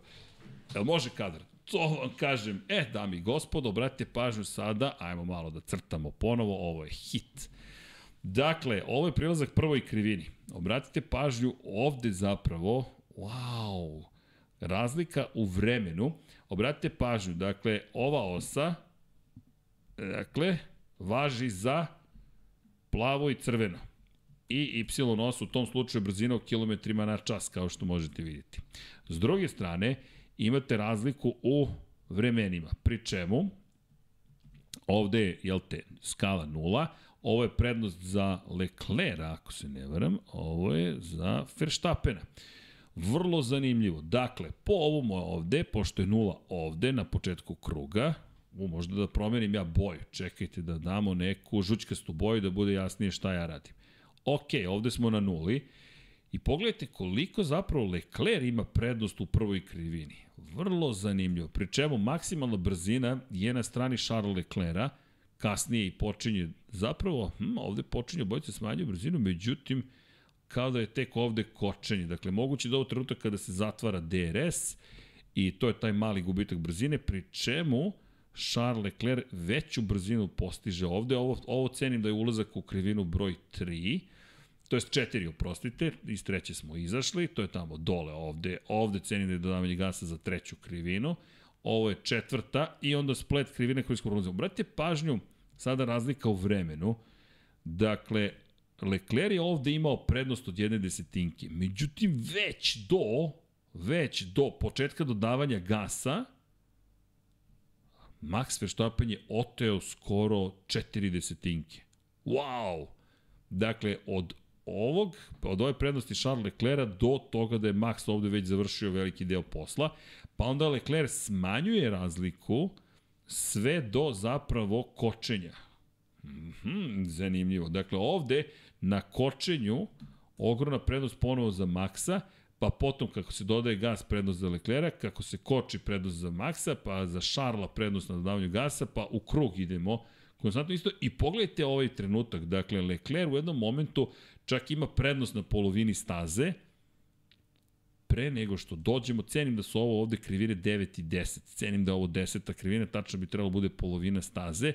I u tom trenutku sad ovde ozbiljan pad, su izjednačeni, dakle na povratnom pravcu izjednačeni, pa onda Max dolazi do izražaja, ovo je sve sektor broj 2 i ovde sve ovo prednost za Maxa, pri čemu Charles ovde malo nadoknađuje i na kraju kruga dolazimo do toga da je prednost skoro 30 tinke u korist Maxa Verstappena. Vrlo zanimljiva telemetrija. Dobro da mi vidimo šta još imamo. Ok, ovo, ovo, ovome moramo da se vratimo, ali ajmo da bacimo pogled na ono što smo imali. E sad, ovo je bio zanimljiv moment, makar ovlaš malo pre kako sam pretraživao po folderu, a to je razlika između Lensa Strola i Fernanda Alonsa. Obratite pažnju na ovo. Dakle, gde nam je nula? Evo je ovde. Dakle, ovde je nula. Ne zamerite što... U, pa imam ja, mogu da kad držim shift, da probamo da dobijemo ravnu liniju. Nije baš, ali dobro. Nula. Ovo ovde je Strolova prednost. A ovde je Alonso, kao što se može videti. I ovde, to je Aleksa sve obelešio. Dakle, da vidimo, Alonso, prednost, dakle, pre nego što dođu do najsporijih dela prve krivine, pa je tu blaga prednost za Strola, čisto poređenje gde se Strol koliko toliko dobro drži. E, sad ovo je zanimljivo, ovo su druga, treća krivina, dakle, druga, treća, tačno tamo gde koristite, jel te, ruke, onda kad se dođe do pravca, to je izjednačeno, kroz petu, šestu blagi gubitak opet vremena za Strola, pa sve veći gubitak. I onda ovde Strol sve nadoknađuje, Vrlo zanimljivo. Pri čemu Stroll je u zelenim bojama, u plavim je Alonso. Zašto je ovde usporio ovoliko? To je izgubio ovu brzinu Alonso. To se baš vidi veliko nadoknađivanje vremena. I onda na kočenju, ovo cenim da su 9. 10. krivina, baš velika prednost Strola. Ovde su izjednačeni, pa onda kroz duge krivine zapravo sve bolji i bolji je Alonso. To je treći sektor, izgleda spektakularno za Alonso. Pogledajte gde je otišao Alonso od toga da ima dve desetinke prednosti na povratnom pravcu, da do poslednje krivine ima skoro osam desetinke prednosti. Wow, ali mi je zanimljivo dakle, da, je, na, da je zapravo nadoknadio Moramo ovde da ubacimo i crtež staze u Bahreinu, to je bilo koje staze koje analiziramo, da tačno vidite gde se nalazimo, ali relativno, neko ću kažem baš lako, ali možete da procenite zapravo na osnovu kočenja, to jest minimalnih brzina i maksimalnih brzina, gde se otprilike nalazimo. Aleksa, znaš šta nam treba? DRS, da vidimo gde je otvoren DRS bio i kad, da li se ovde, da li ovde, na primjer, Jer ovo nije, ovo nije DRS, ovo mi je baš zanimljivo šta se ovde desilo. E, znaš šta nam Aleksa ovde treba? Ovde nam treba gas kočnica. Da vidimo šta se desilo. Dobro, Uh, crto sam nešto, ali nema, nema. Ovo ovde nam treba, da, ovde nije DRS, to nam inače treba, ali ovde nam gas i kočnica su potrebni. Evo ovde. Čisto da se zna za Aleksu. Hvala Aleksa, ako pratiš. E sad, šta još imamo u celoj priči? Imamo još tu nekih zanimljivih momenta, ovde sam crto, Verstappen, Perez. E da, ajde da poredimo i taj moment, čekajte da otvorimo samo, pa evo ga. Tu smo, dakle, šta se ovde desilo? Kako je ovde na stranu Pereza otišla prednost. Na polovini staze. Ha, i to ima, ne, je li ovo moguće da ima pola sekunde prednosti odnosu na Verstappene na polovini staze? Pola sekunde. Ovo moramo da istražimo. Čekajte, ovo mi je, sad, ovo mi je sada šokantno. Dakle, veća jeste maksimalna brzina za Pereza. Ovde nam inače nula. Dakle, ovde je nula. Kako je mogao da dođe do pola sekunde? Ok, ne znam šta se ovde desilo. Evo iskreno da vam kažem, ovo je telemetrija koju smo skušali. E da, inače, Alex ja smo se dogovorili, napravit ćemo ovom specijal u kojem ćemo da, ja ću samo da uvedem Aleksu celu priču, on će da vam zapravo objasni kako i sami možete da zapravo tražite telemetriju, to je ne samo da tražite, već da izvučete sami telemetriju i da je tumačite. Ovo što ste videli inače su kvalifikacije, dakle male su razlike desetinka i po, ali kako je pola sekunde imao prednost i onda je sve to nestalo do malo mi je čudno nešto. Možemo nazad, na, na, da, tu smo, tu smo, to je ne, to je to okej. Okay. Nego kako se ovom ovde rasponu desilo 0,5 i onda se sve izjednačilo. Hm, okay. vidjet ćemo šta se ovde desilo. Dobro, malo sam skeptičan po pitanju ovog grafikona. Ne na tebe, Aleksa, već na podatke koje smo dobili. Ali šta još imamo u celoj priči? Leclerc Sainz. E da, ajmo da vidimo Leclerc Sainz. Kako su se tu stvari odvijeli, to je ono što smo takođe htjeli da vidimo. Ovo se sad malo igramo, ljudi. Ja nemam šta drugo da kažem osim da volim Formulu 1, pa ću uvek da se ovako igram. Čekajte da, da mogu da nacrtam. Crtom, crtom crtom, crtom, evo ga, nula.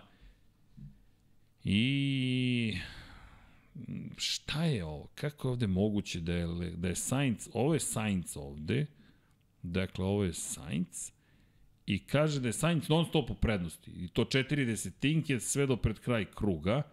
I onda da je sve izgubio ovde.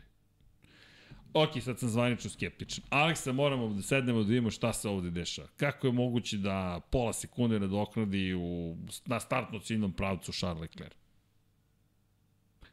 Ok, stavimo sa analizom telemetrije jer mi ovo suviše sumnjivo, evo ostavljam vam kadar pa sami protumačite, ali po ovome, dakle, Leclerc zaostaje ovde 4 desetinke, malo manje od 4 desetinke, pola sekunde, 3,5 desetinke ovde, a ovde zapravo ovo je poslednja krivina i dodavanje gasa. I od ovog momenta do cilja Charles Leclerc je nadoknadio sve ovo ovde.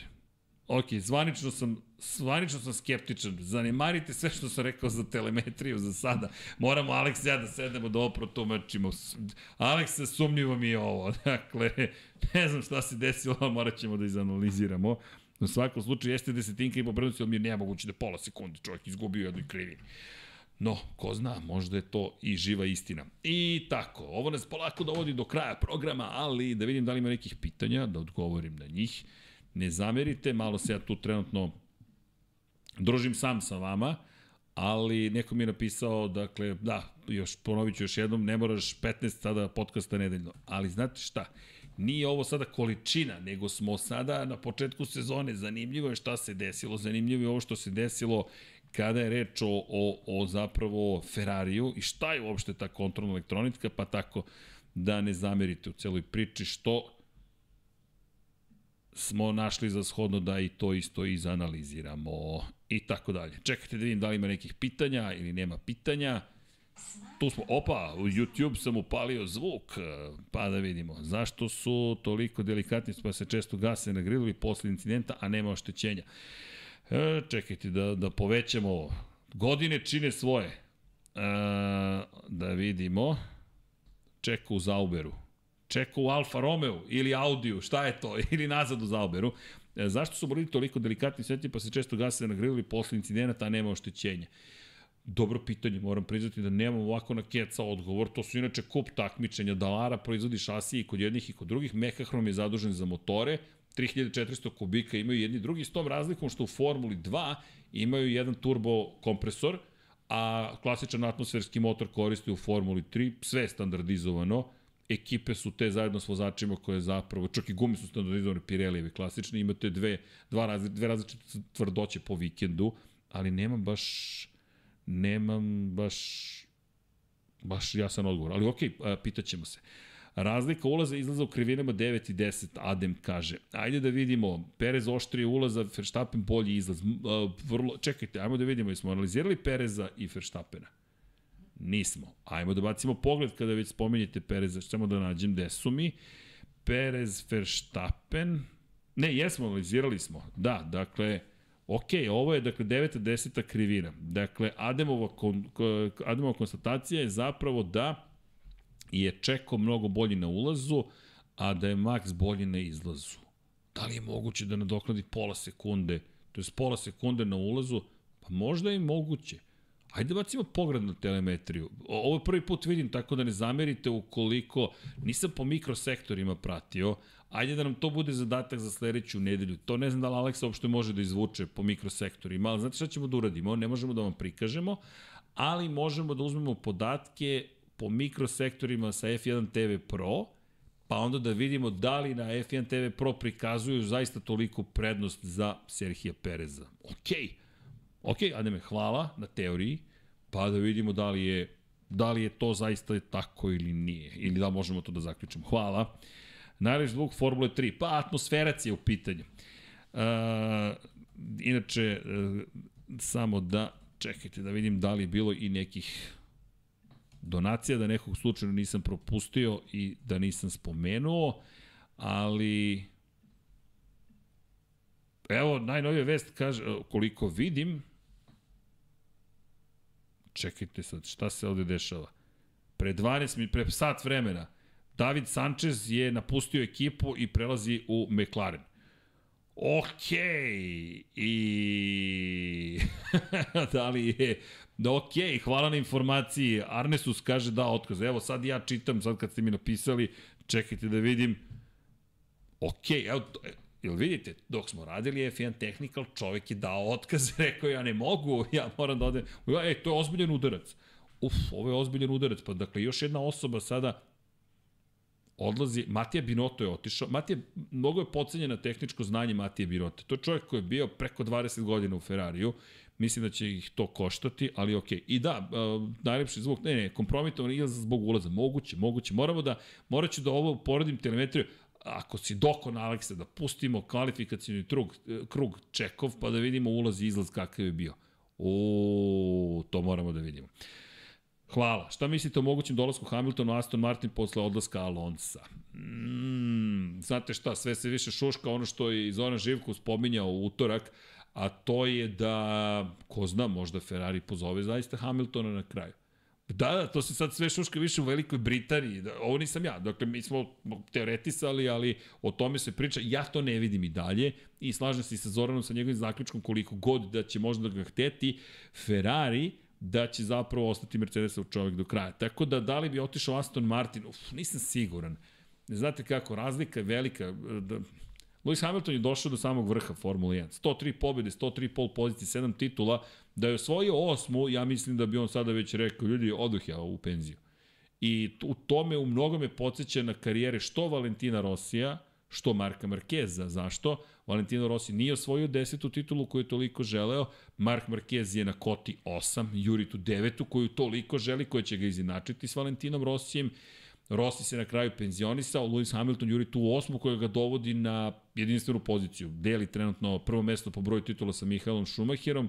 Ne vidim da bi išao Aston Martin. Mada, ako Aston Martin može da se bori za titulu, možda je to neko novo vreme Formula 1. Wow, to bi bilo, to bi bilo, to bi bilo neverovatno. Kaže, gde si juče na sajmu, dolazim dva puta, tebe nema. Izvinite, ne možemo da postignemo sve i da budemo i u podcastu i na sajmu. Bili smo juče na sajmu, ali smo morali da ulazimo i izlazimo. Pozdrav za gospodina Lepog, bit ćemo sutra, bit ćemo za vikend, u nedelju dolazi i Deki na sajam, tako da znate. Prosto ne možemo sve baš da stignemo, da, da budemo i u studiju na kraju univerzuma i, i da budemo na sajmu knjiga, ali eto, potrudit ćemo se. Nemamo analizu za Norisa i za, i za Pjastrija, e, trenutno je nemam ja kod sebe, ali možda ima ekipa u produkciji, ali znate šta ja hoću da analiziramo? Norris Sargent ajmo tu analizu da vidimo. Norris Sargent. Uh, plakali bi svi posle tokom vikenda sa sve Hamiltonom, ok. Ako ode u Ferrari, to bi bilo ono što Vettel kaže, iako kažeš da si Mercedesov fan, ti si ipak Ferrari fan, svi vole Ferrari.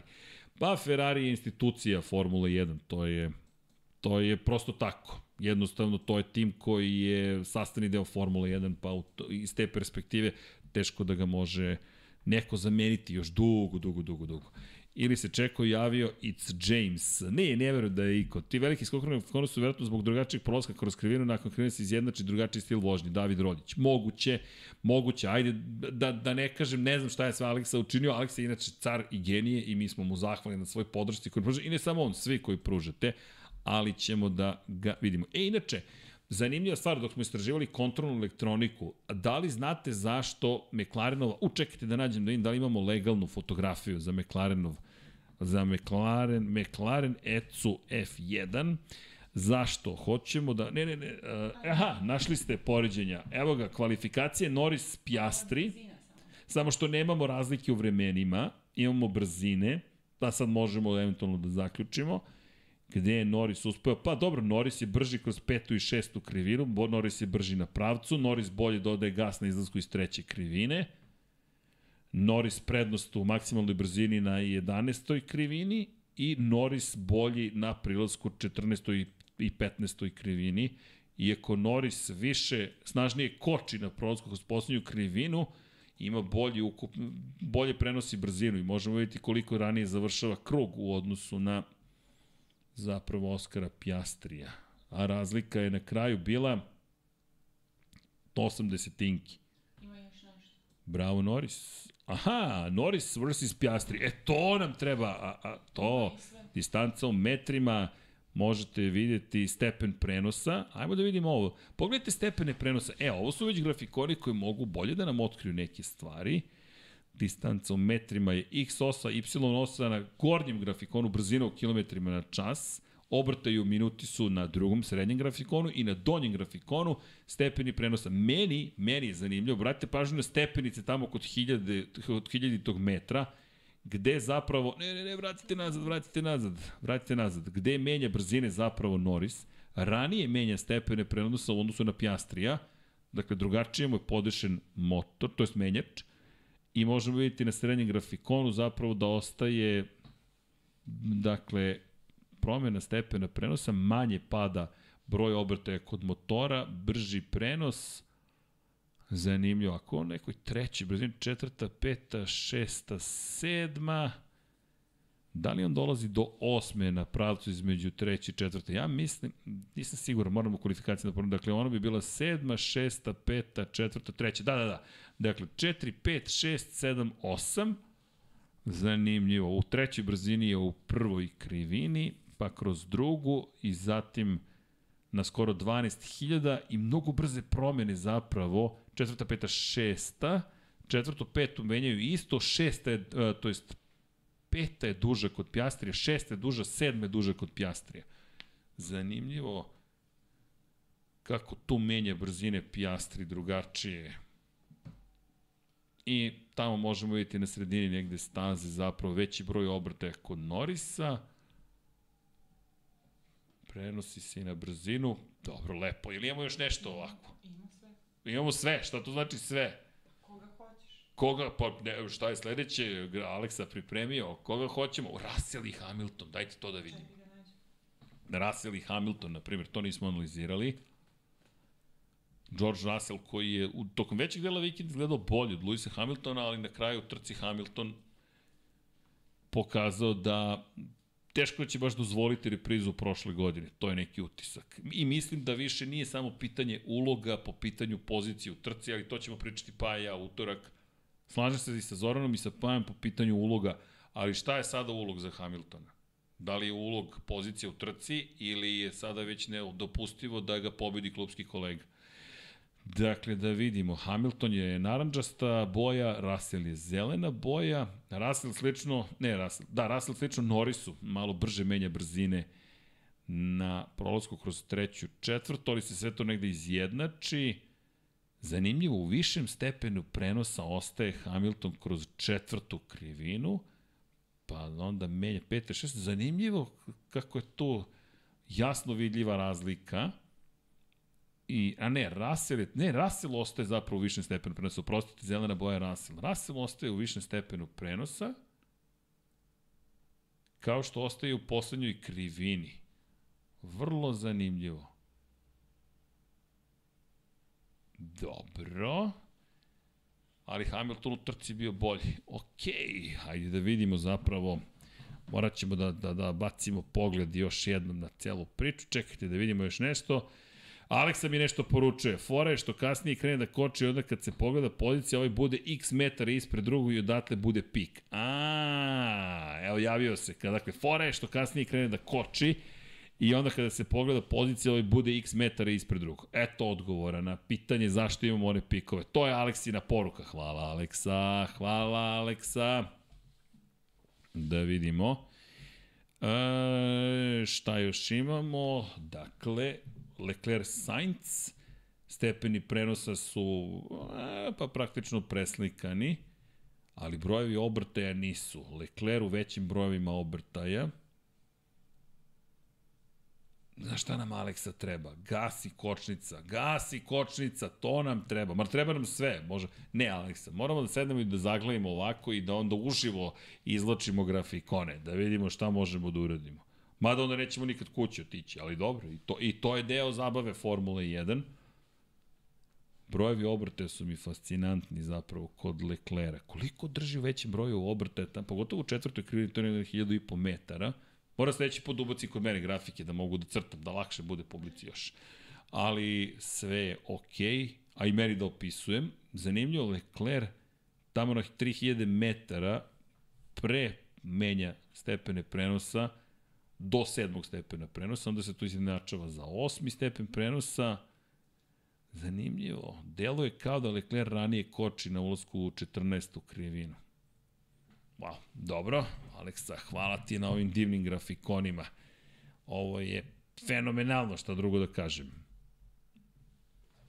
Dobro, moramo strukturu da damo ovoj telemetriji. To ćemo za sledeći put da uradimo. Alonso protiv Strola, to smo već pričali. Alonso, pogledajte Alonso, šta je ono sa stepenima prenosa? Alonso koji petoj i šestoj menja brzine, dakle ode u sedmi stepen prenosa, pa se vrati u šesti, pa ponovo u sedmi, pa ponovo u sedmi tamo kod osme, devete, a tu je pretica u devet, deveta, deseta, zanimljivo. U, to moram da pogledam, da vidim stepene prenosa u samom trkanju. I Alonso koji tu uz step, promenu stepena prenosa logično smanjuje se broj obrtaja, Zanimljivo. Fernando. Drugačiji stil, definitivno. Da ima šta još imamo. Magnussen Hulk. Slična situacija opet kod stepena prenosa. To mi je rekao trenutno najzanimljivije, baš zanimljivo. A ne, ovo je Norris Piastri, ovo smo se vratili na početku. Vidim da mi isto i liči na Norris i Piastrija. Tsunoda De Vries kao... Hm, zanimljivo. A oni su u šestom stepenu, Alonso je u sedmom sa Aston Martinom. Jel možemo da vratimo na Alonso i Strola? Nema veze. Može. Može, ajmo. Ako može Alonso Stroll da vidim, dakle, da li sam pogrešio kod stepena prenosa. Da, da, da, Alonso je tu u sedmom stepenu prenosa. Zanimljivo. Možemo sad da vidimo Mercedese. Čisto da vidimo ovo su Ferrarijevci, šesti stepen prenosa. Da li je Alonso jedini išao u sedmi stepen prenosa tu? Svi su tu u šestom. Norris Piastri šesti. Russell Hamilton šesti. Niko ne dira se. Ha, mada. Vrati, vrati, vrati, vrati, nazad, nazad, nazad, nazad. Stara Kajla Lewis Hamilton i stara Kajla Fernando Alonso. Pogledajte sedmi stepen prenosa kasnije tamo na prilazku devetoj krivini. Ha! Oni idu u sedmi stepen prenosa. I veći je broj obrtaja. Dobro. Zanimljivo. Ovo mi deluje na Alonso. Ma da, Alonso se sad vidim, vidim ga po stepenima prenosa. Alonso ni Verstappen tu ne ide u sedmi stepen prenosa. Alonso i ovo je Hamilton. Tačno se vidi po toj sedmoj brzini na prilazku devetoj krivini. Ali vrati, vrati, vrati, vrati, vrati. Zanimljivo. Pri čemu pitanje je da li Hondi to uopšte treba. Ili Honda kažemo sve je u redu, pošto je brzina ista. Što mi negde govori da će Honda biti najizdržljiviji motor ove sezone. dakle, Honda izgleda napravila jednu vrlo zanimljivu mašinu. Pa šta je ovo? Šta u sedmom stepenu prenosa je vozio Max? Wow. Dobro, hajde. Morat ću da pogledam i snimke. Da se bacimo malo na posao. Pa da vidimo po snimcima kako to izgleda.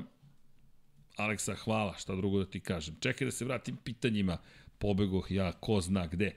Je li ovo četvrtkom sad redovno? Pa, nadamo se da će biti. Jednostavno ćemo se potruditi da imamo što više ovakvih podataka i informacija. Kažem, okupljamo ekipu mašinaca, amaterskih aero... Aha, ovo nisam ni vidio, kvalifikacijni krug, stepeni prenosa. Po vozačima. Ne, ne, stanite, stanite, ne mogu da stigne sve da povatam. Inače, koleginica iz prodaje dobila kompliment, Marko kaže ima lep glas. Da, eto, lep glas, u svakom slučaju, tu smo. Azra Omanović ima jednu povučenu poruku i šta misliš o Dinu Beganoviću podijum u Formuli 3? Ljudi, bravo kakav pobednički podijum. Dakle, da čekam Paja da nam dođe.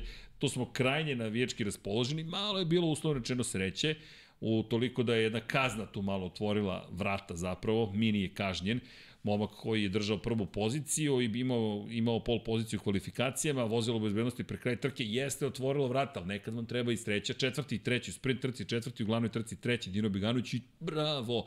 Pozdrav Harisa Mrkonju, naša kolegu iz Sarajeva, koji imao intervju sa, pre dve godine sa Dinom, Mi se nadamo da će ponovo imati intervju, mi se nadamo da ćemo mi imati intervju, takođe razgovor sa Dinom i jedva čekamo da ga čujemo i, i da popričamo s njim. Evo, Jenki the Boss kaže šef aerodinamike Ferrarija dao otkaz. Da, upravo smo malo pre to saznali mi. David Sanchez je napustio Ferrari. Trenutno Priča se, evo, koliko Autosport piše, a prenosi Sky Sports Italiju, trebalo bi da čovek ode zapravo u McLaren. Inače, čovek koji je zapravo bio najodgovorniji za aerodinamiku F1.75, to je prošlogodišnji bolid, I ovo je sada već, inače, ono što je informacija Sky Sporta Italije da je Leclerc vrlo nezadovoljan tom situacijom. Ajde da vidimo, Frederik Vaser, pa dobio je, dobio da vodi Ferrari. Kad dobijete vodite Ferrari, to mi kao, pa, konj koji se propinje. Jednostavno dobili ste ždrepca kog treba obuzdati. Da li će uspeti, nemam pojma ali ovo je poslednje što im je trebalo. Pogotovo što je Ferrarijev koncept sa kadicama na bočnim stranama je zaista inovativan, ali vrlo uspešan. Ok, Red Bull je otišao korak dalje, imali su i bolju pouzdanost i bolje strategije, ali Ferrari nije bio toliko loš. Naprotiv, ovo što su radili zaista za svaku pohvalu i njihov koncept mnogi koriste zapravo. I funkcionalni koncept. Tako da, jeste to velik udarac. Eto, to smo malo presaznali, pa Eto, inače on je bio čovek koji je zadužen za, za zapravo za vehicle koncept, za koncepte uh, bolida i eto, otišao je čovek, čovek koji inače radio i na, i na, na SF23, s obzirom na činjenicu da je, da se time prosto bavio, da je to njegov glavni posao bio. Pa ajde da vidimo, 10 godina je bio u Maranelu koliko pišu u Sky, na Sky Sportu Italija, pa nisam sigurno tačno kada je stigao, ali ćemo sad svi zajedno istražiti. Ono što je e, pitanje je kada će se pridružiti McLarenu, nemojte zaboraviti da ga čeka verovatno period onog čuvenog baštovanski odmor, kako ga zove, gardening leave, a ne znam koga Ferrari sada da dovede, da li sad unapređujete nekog iz interne strukture u Ferrariju ili dovodite sa strane, svi su kupili nekoga, svi su nekoga angažovali, Mercedes je izgubio mnogo toga, Red Bull je otkupio mnogo ljudi, Aston Martin je odoveo mnogo ljudi iz Red Bulla, sve to ringišpil. Ferrari je takođe izgubio neke ljude, ali setite se, James Ellison je bio u Ferrariju. Da ne zaboravimo, čovek koga sada svi žele očajnički da ponovo preuzme tehnički smer u Mercedesu je zapravo bio u Ferrariju. To se zaboravlja, ali on je čovjek koji je zapravo u Ferrariju radio i u jednom trenutku je rekao, ok, idem negde drugde, idem na neko drugo mesto. Uh, Da, ali eto velike promene kod Ferrarija. Uh, Jake Dot, da li mislim da će Mercedes promeniti aerodinamiku bolida u toku ove sezone? E, to smo spomenuli tokom, tokom cele ove emisije. Moje mišljenje je da će nam Bahrein, da će nam Baku dati odgovor, jer ukoliko dođu u Baku bez novog koncepta, ja ne vidim kako pre Kanade mogu nešto više da urade, jer premalo vremena, pogotovo kad, dođu, kad dođe Monako, kada dođe Barcelona, uh, tu pričamo o tri vikenda za redom u tri kalendarska vikenda i to će biti baš, baš, baš teško. Uh, Aleksandar Tadić s konjena magarca, ne znam sad ko je prešao s konjena magarca, ali tu smo, uh, Rejz istakao u sledećem dobijamo velike vid... Aha, u, u, istakao da u sledećim dobijamo velike vizualne promene na bolidu, kaže Arnesus Mercedes malo pre na svim društvenim. Mi smo ovde bili, čekajte, nismo stigli da, u sledećim trkama. Eto, dakle, Arnesus neki odgovor koji dolazi sa društvenih mreža da li još neko ima neko pitanjce, ali da odgovorim, eto, trudit ćemo se da ovo postane trajna stvar. Zašto? Zato što smatramo da je tehnika u Formuli 1 mnogo važna, a da ne otmemo podcast gde pričamo o brojnim aspektima Formule 1. Trudit ćemo se da tu bude i gostiju, da bude ljudi koji su zaista i radili, nadam se, u Formuli 1, školovani su i ljudi koji su, školujte se, molim vas, Neko je baš na Twitteru lepo opisao situaciju to, ne, ljudi koji ne završe fakultet, e, pa su onda oni bolji jer imaju veće šanse da uspeju i onda se pozivaju na Steve Jobsa, ne znam, Billa Gates i tako dalje. Ne, ne, ne, statistika vrlo jednostavno kaže da je zapravo u celoj priči mnogo veća šansa da uspete ukoliko ste visoko obrazovani i školovani, to otvara mnoga vrata, konačno neka vam uzor bude Šejla Čebirić, dama koja je nama pomagala slično Aleksi Vučev, slala grafikone među prvima, prva slala grafikone za Formulu 1, devojka koja sada radi u Red Bull Racingu, živi i radi u Milton Kinzu, neka vam bude inspiracija, dama koja dolazi iz Sarajeva i koja je u Sarajevu završila svoje zaposlenje za Milton Keynes, dakle nije putovala za Englesku pa završila, već remote, LinkedIn svoje sredila, uradila je mnogo toga na svom ličnom sajtu, radila je analize za nas, poslala je prijavu kada se otvorila pozicija, slala nam je inače i otvorena mesta da vam skrećemo pažnju i mi će se nadamo da ćemo od utrka ponovo početi da spominjemo, školujte se, to je point, pointa. A F1 Fantasy rezultati, pričali smo njima utorak, ja sam šesto i neki, tako da polako. E, dakle, meni se nekako čini da je Mercedes probao s ovim bolidom u prvu trku, ako ne prođe ide promjena skroz izgleda bolida. Hajde da vidimo da Mike Elliot, evo Benjamin kaže dobio neku vrstu ultimatuma da živi projekat ili će verovatno biti bivši. Pa ja mislim da je zapravo Hamiltonova javna izjava pritisak vrlo jasan. Niste me poslušali, dobili smo ovaj bolid, ja ne znam sad šta je tačna informacija, ko koga koliko nije poslušao, nema razloga da sumnjamo, ali isto tako mislim da je poruka vrlo jasna. Ili mi dajte bolid koji će biti konkurentan, ili ćemo se razilaziti, što nije mala stvar za Mercedes. Mnogi ljudi pocenjuju Luisa Hamiltona, ali okej, okay, koga dovodite umesto Luisa Hamiltona sa tom vrstom iskustva i znanja. Fernando Alonso i on su generacija, i to ne naivna generacija. Ljudi, oni su se trkali jedan protiv drugog. Hamilton je bio Novajle, mnogi kažu dobio je bolid na samom početku karijere. Jeste. I dobio je Fernanda Alonso za klubskog kolegu. I suprotstavio mu se od početka do kraja. I da, koštali su jedan drugog titule ili McLaren, kako god, ali poštujem sve što su uradili jedan i drugi. E, šta još imamo? Kaže Sova, da li će imati dobro pamćenje kao što je Helmut rekao za ove koji su prešli u Aston Martin iz Red Bulla. Hej, čujte, neopipljivo znanje se nosi sa sobom u glavi, šta da radite. Ali ono što je lepo, to je ono što, smo, što je Anes pričao, to što smo preneli njegove reči, Aston Martin je neki svoj koncept izmislio na osnovu onoga što je Red Bull bio kao inspiracija. Uh, E, šta mislimo o portku Jamesa Ellisona u Mercedes? Pa mislim da je to za njih mnogo važan potez. Andy Cowley otišao, otišli su mnogi ljudi koji su bili u tom projektu koji je Paddy Lowe, njega, on njega se dosta zaboravlja, na njega se zaboravlja, I Ellison je taj koji mislim da je kao ona magijska ličnost poput Adriana Njuja koji, kojem verujete da zna šta radi. Tako da mislim da je to mnogo bitno na ljudskom nivou. Ima još jedna bitna stvar, a to je zapravo da kada pričamo o, o, o Jamesu Ellisonu, pričamo o čoveku koji je bio u brojnim ekipama i koji, nema šta, uz to što on donosi, prosto kad uđe James Ellison u prostoriju i kažete, ok, ajde da slušamo i da radimo što nam se kaže. Ima još jedna bitna stvar, da, a to je zapravo kroz, evo da odgovorim na pitanje, ajde, pre nego što nastavim. Kako je moguće da Aston može od sedmog do drugog najbržeg bolida, Ferrari i Mercedes ne mogu naći 5-6 desedinki sa dobrih bolida s kraja godine, sramota za ova dva tima, Nadin Osman Hođić. Složio bih se s vama, da li sad, pa da, pro, o, ozbiljan problem i jeste poraz, neću reći složio bih se s vama i da može da se kaže sramota, ali ajmo da sačekamo. Ako ih Aston Martin potuče do nogu tokom sezone, onda to ide na sramotu, ali činjenica da je da je i sam Aston Martin priznao da nisu baš očekivali ove rezultate i da je, da je pomalo i ovo njih zbunilo u celoj priči.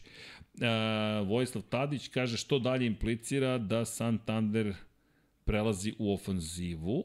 Santander prelazi u ofanzivu. U kom smislu, šta implicira Santander ofanzivu? Sainz je njihov čovek. Što da vrate Alonso u Ferrari.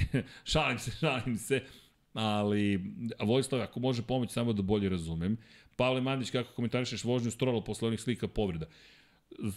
na stranu to što ta zabrinutost da li može da izađe iz bolida ili ne, ali momak je odvezao spektakularno. Ja zaista mislim da nosi jednu ozbiljnu stigmu toga što je sin vlasnika firme. Evo, ajmo ovako. Da je Logan Sargent slomio obe ruke pre početka trk, trkačkog vikenda i seo u taj bolid i bio među vodećih deset, ja mislim da bi svi pevali kakav je genijalan vozač Logan Sargent. Da je to uradio Alex Albon, bilo bi genijalno. Da je to uradio Nick De Vries, bilo bi genijalno. Pošto je to uradio Lance Stroll, tata mu je dao da vozi. Dajte, ljudi, ajmo da poštujemo svakog od tih vozača. Ja mu skidam kapu. Mislim da mu nikad više nisam skidao kapu nego sada. Čak i kada je s Williamsom bio na pobjedničkom postolju Baku, Ovo je bila herojska vožnja. Zaista herojska vožnja. Da, ne dopada mi se što je postojala ozbiljna opasnost da li može da izađe iz bolida ili ne. Iako se tu gospodin Živko ja ne slažem, on je, on je rekao da prosto ako može da izađe iz tog bolida, nije to baš tako. Mogu i dalje da izađe, iako je Real mnogo toga sprečio kada je reč o izlasku iz bolida, ali to mi je uvek nešto dobijete, nešto gubite. Oreo je spasao mnoge glave, a Strolu su ajte skidan kapu. Zaista skidan kapu i Jenki the Boss da li ima šanse da Hamilton pređe u Ferrari. Pa pošto su Britanci počeli da ga sele u Ferrari, možda i postoji šansa, ali ja zaista sumnjam da će se to desiti. Iskreno sumnjam. Uh, Sainz izgleda kao plaćeni vozač pored Leclerovom Ferrariju. Da. Zaista, zaista izgleda u ovom trenutku prosečno. To nije dovoljno, to je, to je sramot, to je za njega velik udarac. Da on izgleda kao non-faktor, kao nebitan u celoj priči u kontekstu trke, Charles Leclerc sam nije mogao da utiče previše na Red Bull, ali Vasseri rekao to je više do strategije, ok, imate novog šefa strategije i podešavanje, zapravo pre svega podešavanja bolida, čudno. Uh, dakle, Mihajlo, mogao bi neki od budućih podcasta četvrtkom da obradi temu od brojnih zabranjenih sistema i patenata tima koji su imali u modernoj istoriji Formule 1. Mihajlo, super ideja, potrudit ćemo se da to uradimo, da nabavimo materijal i da sednemo i da popričamo o tome kako je Tyrell svojevremeno stavljao olovne kuglice u rezervoar sa gorivom i potom ih, kroz jedan poseban sistem, zaista ne šalim se, izbacivao duž staze, Dakle, šta su radili, to jest, na, ovo je spektakularno, dakle, na početku trke rezervoar napune olovnim kuglicama, onda ih izbace tokom trke, dopune gorivom, jel te, bolid, zatim lakši bolid voze tokom trke i kada se završava trka, ponovo kroz gorivo napune ga olovnim kuglicama i otežaju dovoljno da kada dođe na merenje ima zapravo adekvatnu težinu. Međutim, problem je bio u tome što se te kuglice vide na stazi, odjednom iza tirela seje se more kuglica i kaže čekajte ljudi šta radite, pa ništa ima rupa, rupa u pravilniku, niste rekli da ne možemo da napunimo olivom, olovom i da ga izbacimo na stazu. Naravno, to su im zabranili, ali eto, čisto da znate, hvala Mihajlo, to mi sad palo na pamet. Ljudi, hoćemo polako da se pozdravljamo. Ja se zahvaljujem na strpljenju, zahvaljujem se na tome što ste bili sa nama. Nadam se da ste uživali. Mi se stvarno trudimo da eto pomerimo konstantno stvari na neki novi viši nivo i nadamo se da smo to uspeli da učinimo. Kažem, biće još ljudi, nadam se uz mene u kontekstu toga da dođu ljudi koji su, želim da budu inspiracija školovani ljudi i želim da dobiju svoj glas i želim da ljudi koji amaterski možda analiziraju stvari dobiju neko svoje mesto gde mogu da, da, da iznesu svoje teorije, nek su i najluđe teorije, naše su teorije i mislim da to vredi zaista učiniti, to je neki samo moj stav, pa eto, nadam se da, nadam se da, da će biti dovoljno hrabori da se predstave i kaže off topic Vukašin Rasinivić kada ponovo sviraš gitaru kad, kao što si nekada davno. Da li mi verujete da sam pre neki dan zapravo vežbao Megadeth eutanaziju, pa eto, ako to smem da sviram, mada, Mada, pitao sam advokate, možda ću smeti i da sviram ako dovoljno obradim pesmu, a dovoljno loše sviram da se može smatrati dovoljno velikom obradom, da mogu da vam sviram. E, kaže, pitanje Aleksandra Bozanac Drugović. Drugović, skidam kapu, jedva čekam da mu se negde ukaže prilika. Voleo bih da Aston Martin ima tri bolida na stazi da vidimo i Felipea, mislim. Zamislite Felipea da je mogao da vozi ovaj trkački vikend. Kao debitant da dobije ovaj bolid u svoje ruke. Brazilac još pride. Pff, pa to bi bilo fenomenalno. To je moje mišljenje. Inače, udri, ljudi, udrite like, što više, to bolje, pomažete nama tako da, jel te, algoritam kaže, ej, čekaj, ovi imaju nešto i da kažu. Naravno, hvala vam još jednom na podršci svim našim patronima, youtuberima, koji su članovi, možete da kliknete join, da, na taj način nam podržavate i finansijski, što nam znači, pomaže nam, jer na taj način možemo da objavljujemo knjige, možemo da radimo nove emisije, kupujemo neku novu opremu i tako dalje. I da, ostao sam dužan da vam kažem zašto u obliku praktično trougla je elektronska kontrolna jedinica koju svi koriste danas u Formuli 1. Šta su vam nasledđa? Zato što je Adrian Newey svojevremeno tu elektronsku kontrolnu jedinicu dok je bio u McLarenu smestio ispred vozača i kako bi dobio mesto, to jest oblik koji mu je bio neophodan da to spakuje ispod vozača i to je genijalnost Adriana Newey-a. On je jedan veliki Lego majstor i sad kad sam rekao Lego, ok, moramo da složimo McLaren iz 2022. Mislim da nam sledi jedan Lego specijal u skorije vreme, tako da znate. I hvala Pavle za, za, hvala čast za ovaj serijal, mnogo, mnogo cenim uloženo vreme u pripremi svega ovoga. Hvala vama, hvala našem fotografu koji nije naš, nego smo ga mi oteli Hasanu Bratiću. Hvala i Andreju Isakoviću za sve divne fotografije i sve što je učinio za nas. Inače, iza mene je fotografija koja je takođe, zapravo se ne vidi, čekajte. Izvini, Andrej, sakrih tvoje umetničko delo koje je na prodaju shop.infinitylighthouse.com, ali pišite nam na fotografije, to jest foto at infinitylighthouse.com, negde oko 23, 24.000 i nešto dinara košta, ide za Nurdor. Dakle, kada prodamo ovu fotografiju, ovo je jedan jedini primjer koji ćemo raditi u ovom formatu na ovaj način.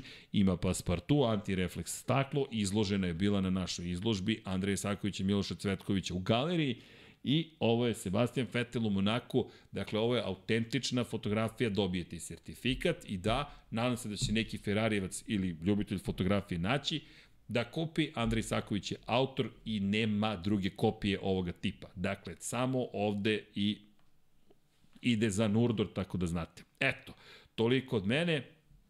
A Da li smo razmišljali da pravimo neki isečke iz podcasta koji bi bili, da, razmišljali smo, verujte, samo, samo, samo da nađemo načine da sa ovoliko ruku i prstiju sve to postignemo, ali slažem se s vama, mislim da tu ima mnogo stvari koje su nekako izgubljene već u vremenu, koje možemo da isečemo i pripremimo, pogotovo kada je reč o tehnici, mislim da ćemo doći i do tog serijala, evo za ovu sezonu smo spremili i ovaj serijal, spremamo još neka iznenađenja, Biće i nekih novih podcasta, ako sve prođe kako treba, kada me pitate gde su neki ljudi, pa da ima nas premalo, pa onda malo radimo više iza kulisa.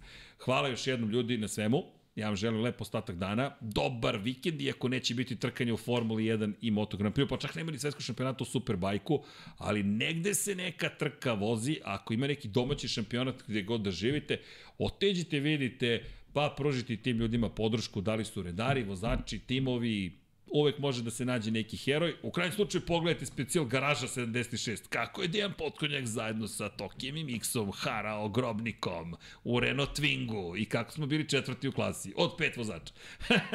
Šalo na stranu, bili smo super, iako ja nisam mogao da vozim, ali bit će prilike i za to. Hvala ljudi još jednom, a sada naravno da se odužimo našim Patreonima i YouTuberima, da pročitamo sva vaša imena. Inače, stižu neke nove knjige i vaše imena idu naravno u knjige, tako da pratite to. A vidimo se nadam se ovih dana na sajmu knjiga. Ko voli američki futbol, sutra smo u 99 yardi, a sajam knjiga, sajam novosadski, tamo smo do ponedeljka. Inače, smem da kažem za ovaj sajam što dolazi, salon.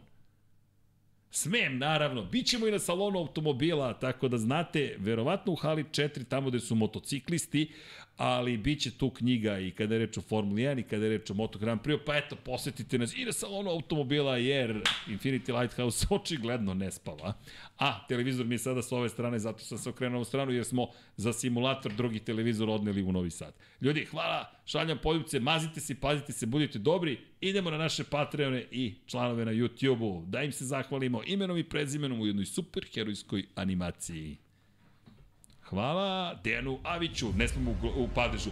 Ferenc Laslofi, Ante Primorac, Kristijan Šestak, Luka Martinović, Ljubo Đurović, Ivan Simeunović, Petar Relić, Aleksandar Antonović, Miloš Broćeta, Strahinja Blagojević, Stefan Janković, Boris Kujundžić, Jasenko Samarđić, Kovačević, Omer, Novak Tomić, Zlatko Vasić, Ertan Prelić, Zorana Vidić, Igor Jankovski, Zoran Šalamun, Milan, Mlađan Antić, Filip, Renata Neš, Miloš Rašić, Gloria Edson, Crnogorski džedaj, Alen Vuletić, Nemanja Labović, Luka Savović, Luka Klaso, Šmele, Aleksa Jelić, Danka, Ognjen Marinković, Armin, Marko Ćurčić, Marko Kozić, Branimir Rijavec, Predrag Pižurica, Benjo KK, Deus Nikola, Bojan Majstorović, Đurđica Martinović, Saša Ranisavljević, Anonimus Donatorus, Đole Cheesehead, Matej Sopta, Životić Jovan, Miloš Vuletić, Jelena Jeremić, Aleksandar Milosavljević, Mihajlo Krgović, Marina Mihajlović, Veselin Vukićević, Dragan Matić, Tijana Vidanović, Josip Kovačić, Dimitrije Mišić, Stefan Prijović, Bojan Mijatović, Mario Vidović, Nemanja Jeremić, Zoran Majdov, Đole, QB4, Žorž, Katarina, Dorijan Kablar, Aleksandar Radivojša, Boris Erceg, Bojan Markov, Klub štovatelja Ramona Mireza, Ivana, možda čitam pogrešno, Marko Marković, zatim Bahtar Abdulmanov, pa Andreja Miladinović, Lj Đurović, Blufonac, Matija Rajić, Branislav Dević, Zoltan Mezeji, Toni Ruščić, Marko Kostić, Ivana Maja Stanković, Milan Kića, Ivan Toškov, Marin Antunović, Nenad Simić, Mladen Krstić, Dušan Ristić, Bogdan Uzelac, Stefan Dulić, Borko Božunović, Andrija Todorović, Ivan Maksimović, Andrej Božo, Ružica Stefanović, Anonimus Donatorus, Vlada Ivanović, Andreja, Miloš Banduka, Vojin Kostić, Stefan Ličina, Nenad Ivić, Jelena Veljković, Emir Mešić, Vladimir Filipović, Branislav Marković, Jugoslav Ilić, Salim Okanović, Borislav Vukojević, Laslo Boroš, Mirjana Živković, Živojin Petković, Dejan Vujović, Đorđe Radojević, Milan Paunović, Petar Nujić, Stefan Lešnjak, Optimistik, Josh Allen, Fan, Đorđe Đukić, Nikola Milosavljević, Danijela Ilić, Kimi Rajkonen, Aleksa Lilić, Miloš Radosavljević, LFC, Ivan Milatović, Alen Stojčić, Boris Golubar, Đole Bronkos, Nenad Pantević, Andrej Bicok, Aleksandar Anđelić, Stefan Vuletić,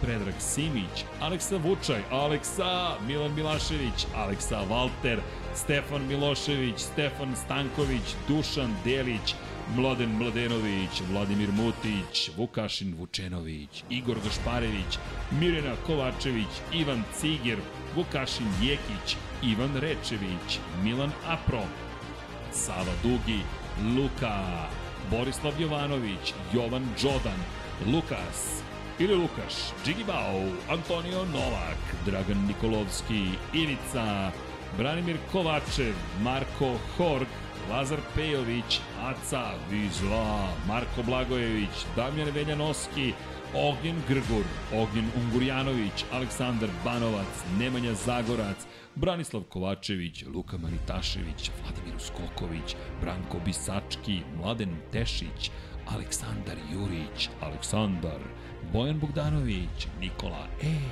Ivan Rebac, Vuk Korać, Nikola Grujičić, Grgo Živaljić, Koša 46, Miloš Todorov, Denis Špoljarić, Pavle Nj, Marko Petrekanović, Stevan Zekanović, Vladan Mila, Miladinović, Đorđe Milanović, Milan Nešković, Nikola Božinović, Srđan Sivić, Vanja Radulović, Anonimus Donatorus, Nemanja, Ivan, Stefan Nedeljković, Ivan Panajotović, Nemanja Miloradović, Darko Trajković, Nedim Drljević, Vladidov Dejv, Stefan Radosavljević, Andreja Branković, Marko Mostarac, Daniel Kolobarić, Vladimir Petković, Bata Brada, Zoran Cimeša, Nikola Stojanović, Monika Erceg, Matija Binotto, Igor Vučković, Sead Šantić, Stefan Vidić, Boris Gvozden, Jasmina Pešić, Mihovil Stamičar, Nedo Lepanović, Da žena ne sazna, Vučinić Miroslav, Žarko Milić, Đorđe Andrić, Neđo Mališić, Miroslav Cvetić, Lazar Hristov, Dušan Petrović, Nenad Đorđević, Dejan Đokić, Jugoslav Krasnić, Marko Bogavac, Jelena Mak, Nemanja Cimbaljević, Bojan Markov, Ljiljana Milutinović, Marina, Ivan Magdelinić, Bojan Gitarić, MS13, Igor Ninić, Ivan Vincetić, Ivan Vujasinović, Marko Bogavac, Aleks Vulović, Toleator, Almir Vuk, Jelena Jeremić, Vlada Ivanović, Mensur Kurtagić, Aleksandar Nikolić, Krorobi 00, Omer Sarajlić, Milanka Marunić, Nemanja Miloradović, Oča Pero, Vladan Đurić, Milorad Reljić, Vladimir Subotić, Dinstero, Ćera 7, Kosta Berić, Škundra, Skundra, Josip Buljovčić, Miloš Zed, LFC, Tatjana Limajić, Vojislav Tadić, Pavle Lukić, Bojan Pejković, Nemanja Bračko, Aleksandar Kockar, Milan Knežević, Nikola Božović, Drago Veković, Vuk, DG Regi, Resničanin, Miloš Stanimirović, Nikola Vulović, Oliver Nikolić, Igor Ilić, Almedin Ahmetović, Branislav Dević, Uroš Čuturilo, Ivana Vesković, Mortal Kombat, Marko Stojilković, korespondent, korespondent, Đorđe Janjić, Dejan Plackov Plackov, Aleksandar P, Dejan Janić, Galeksić, Anonymous, Donatorus, Maxi, Nikola Kojić, Domagoj Kovač, Ivan Božanić, Uroš Ćosić, Koja 7, Nemanja, Alen Jesenović, Ivan Hornjak, Zlatko Marić, Saša Stevanović, Nikola Grđan, Nikola Iksi, Marakos, Petar Bijelić, Toni Soni 76 i Bakadu zajedno sa Vukašinom Vučenovićem. A imamo i Dejana Avića ponovo, i Ferenca Laslofija ponovo, a i koleginica iz prodaje me ubacila u petlju, ali nema veze, tranzicija će se jednog dana desiti. Nešto sam zgrešio danas, šal, nismo dovoljno prodali na sajmu knjiga. Da biste mene spasili, ja vas pozivam da nam se pridružite na sajmu knjiga, šalim se naravno, ljudi, bilo je ovo zabavno kao i uvek, nadam se i edukativno i nadam se inspirativno, školujte se, budite dobri, mazite se, pazite se, pomozimo Maji, 1, 4, 4, 5 na 30, 30, ako ne Maji, bilo kom tome samo da budemo dobri ljudi i da malo učinimo planetu boljom konačno. Šta je smisao? Pa mi mu dajemo smisao. Nadam se da ste se zabavili, ja svakako jesam. Sutra za Novi Sad malo da vozimo simulator. Ko je spreman i na challenge? Da vidimo ko vozi bolje od mene. Jedan na jedan. Sajm knjiga Novi Sad. Ako ste gledali ovu snimku, pa ko zna gde smo danas, ali udrite like u svakom slučaju i postavite neko pitanje, potrudit ćemo se da odgovorimo. Ljudi, budite dobri, mazite se i pazite se i Ćao svima.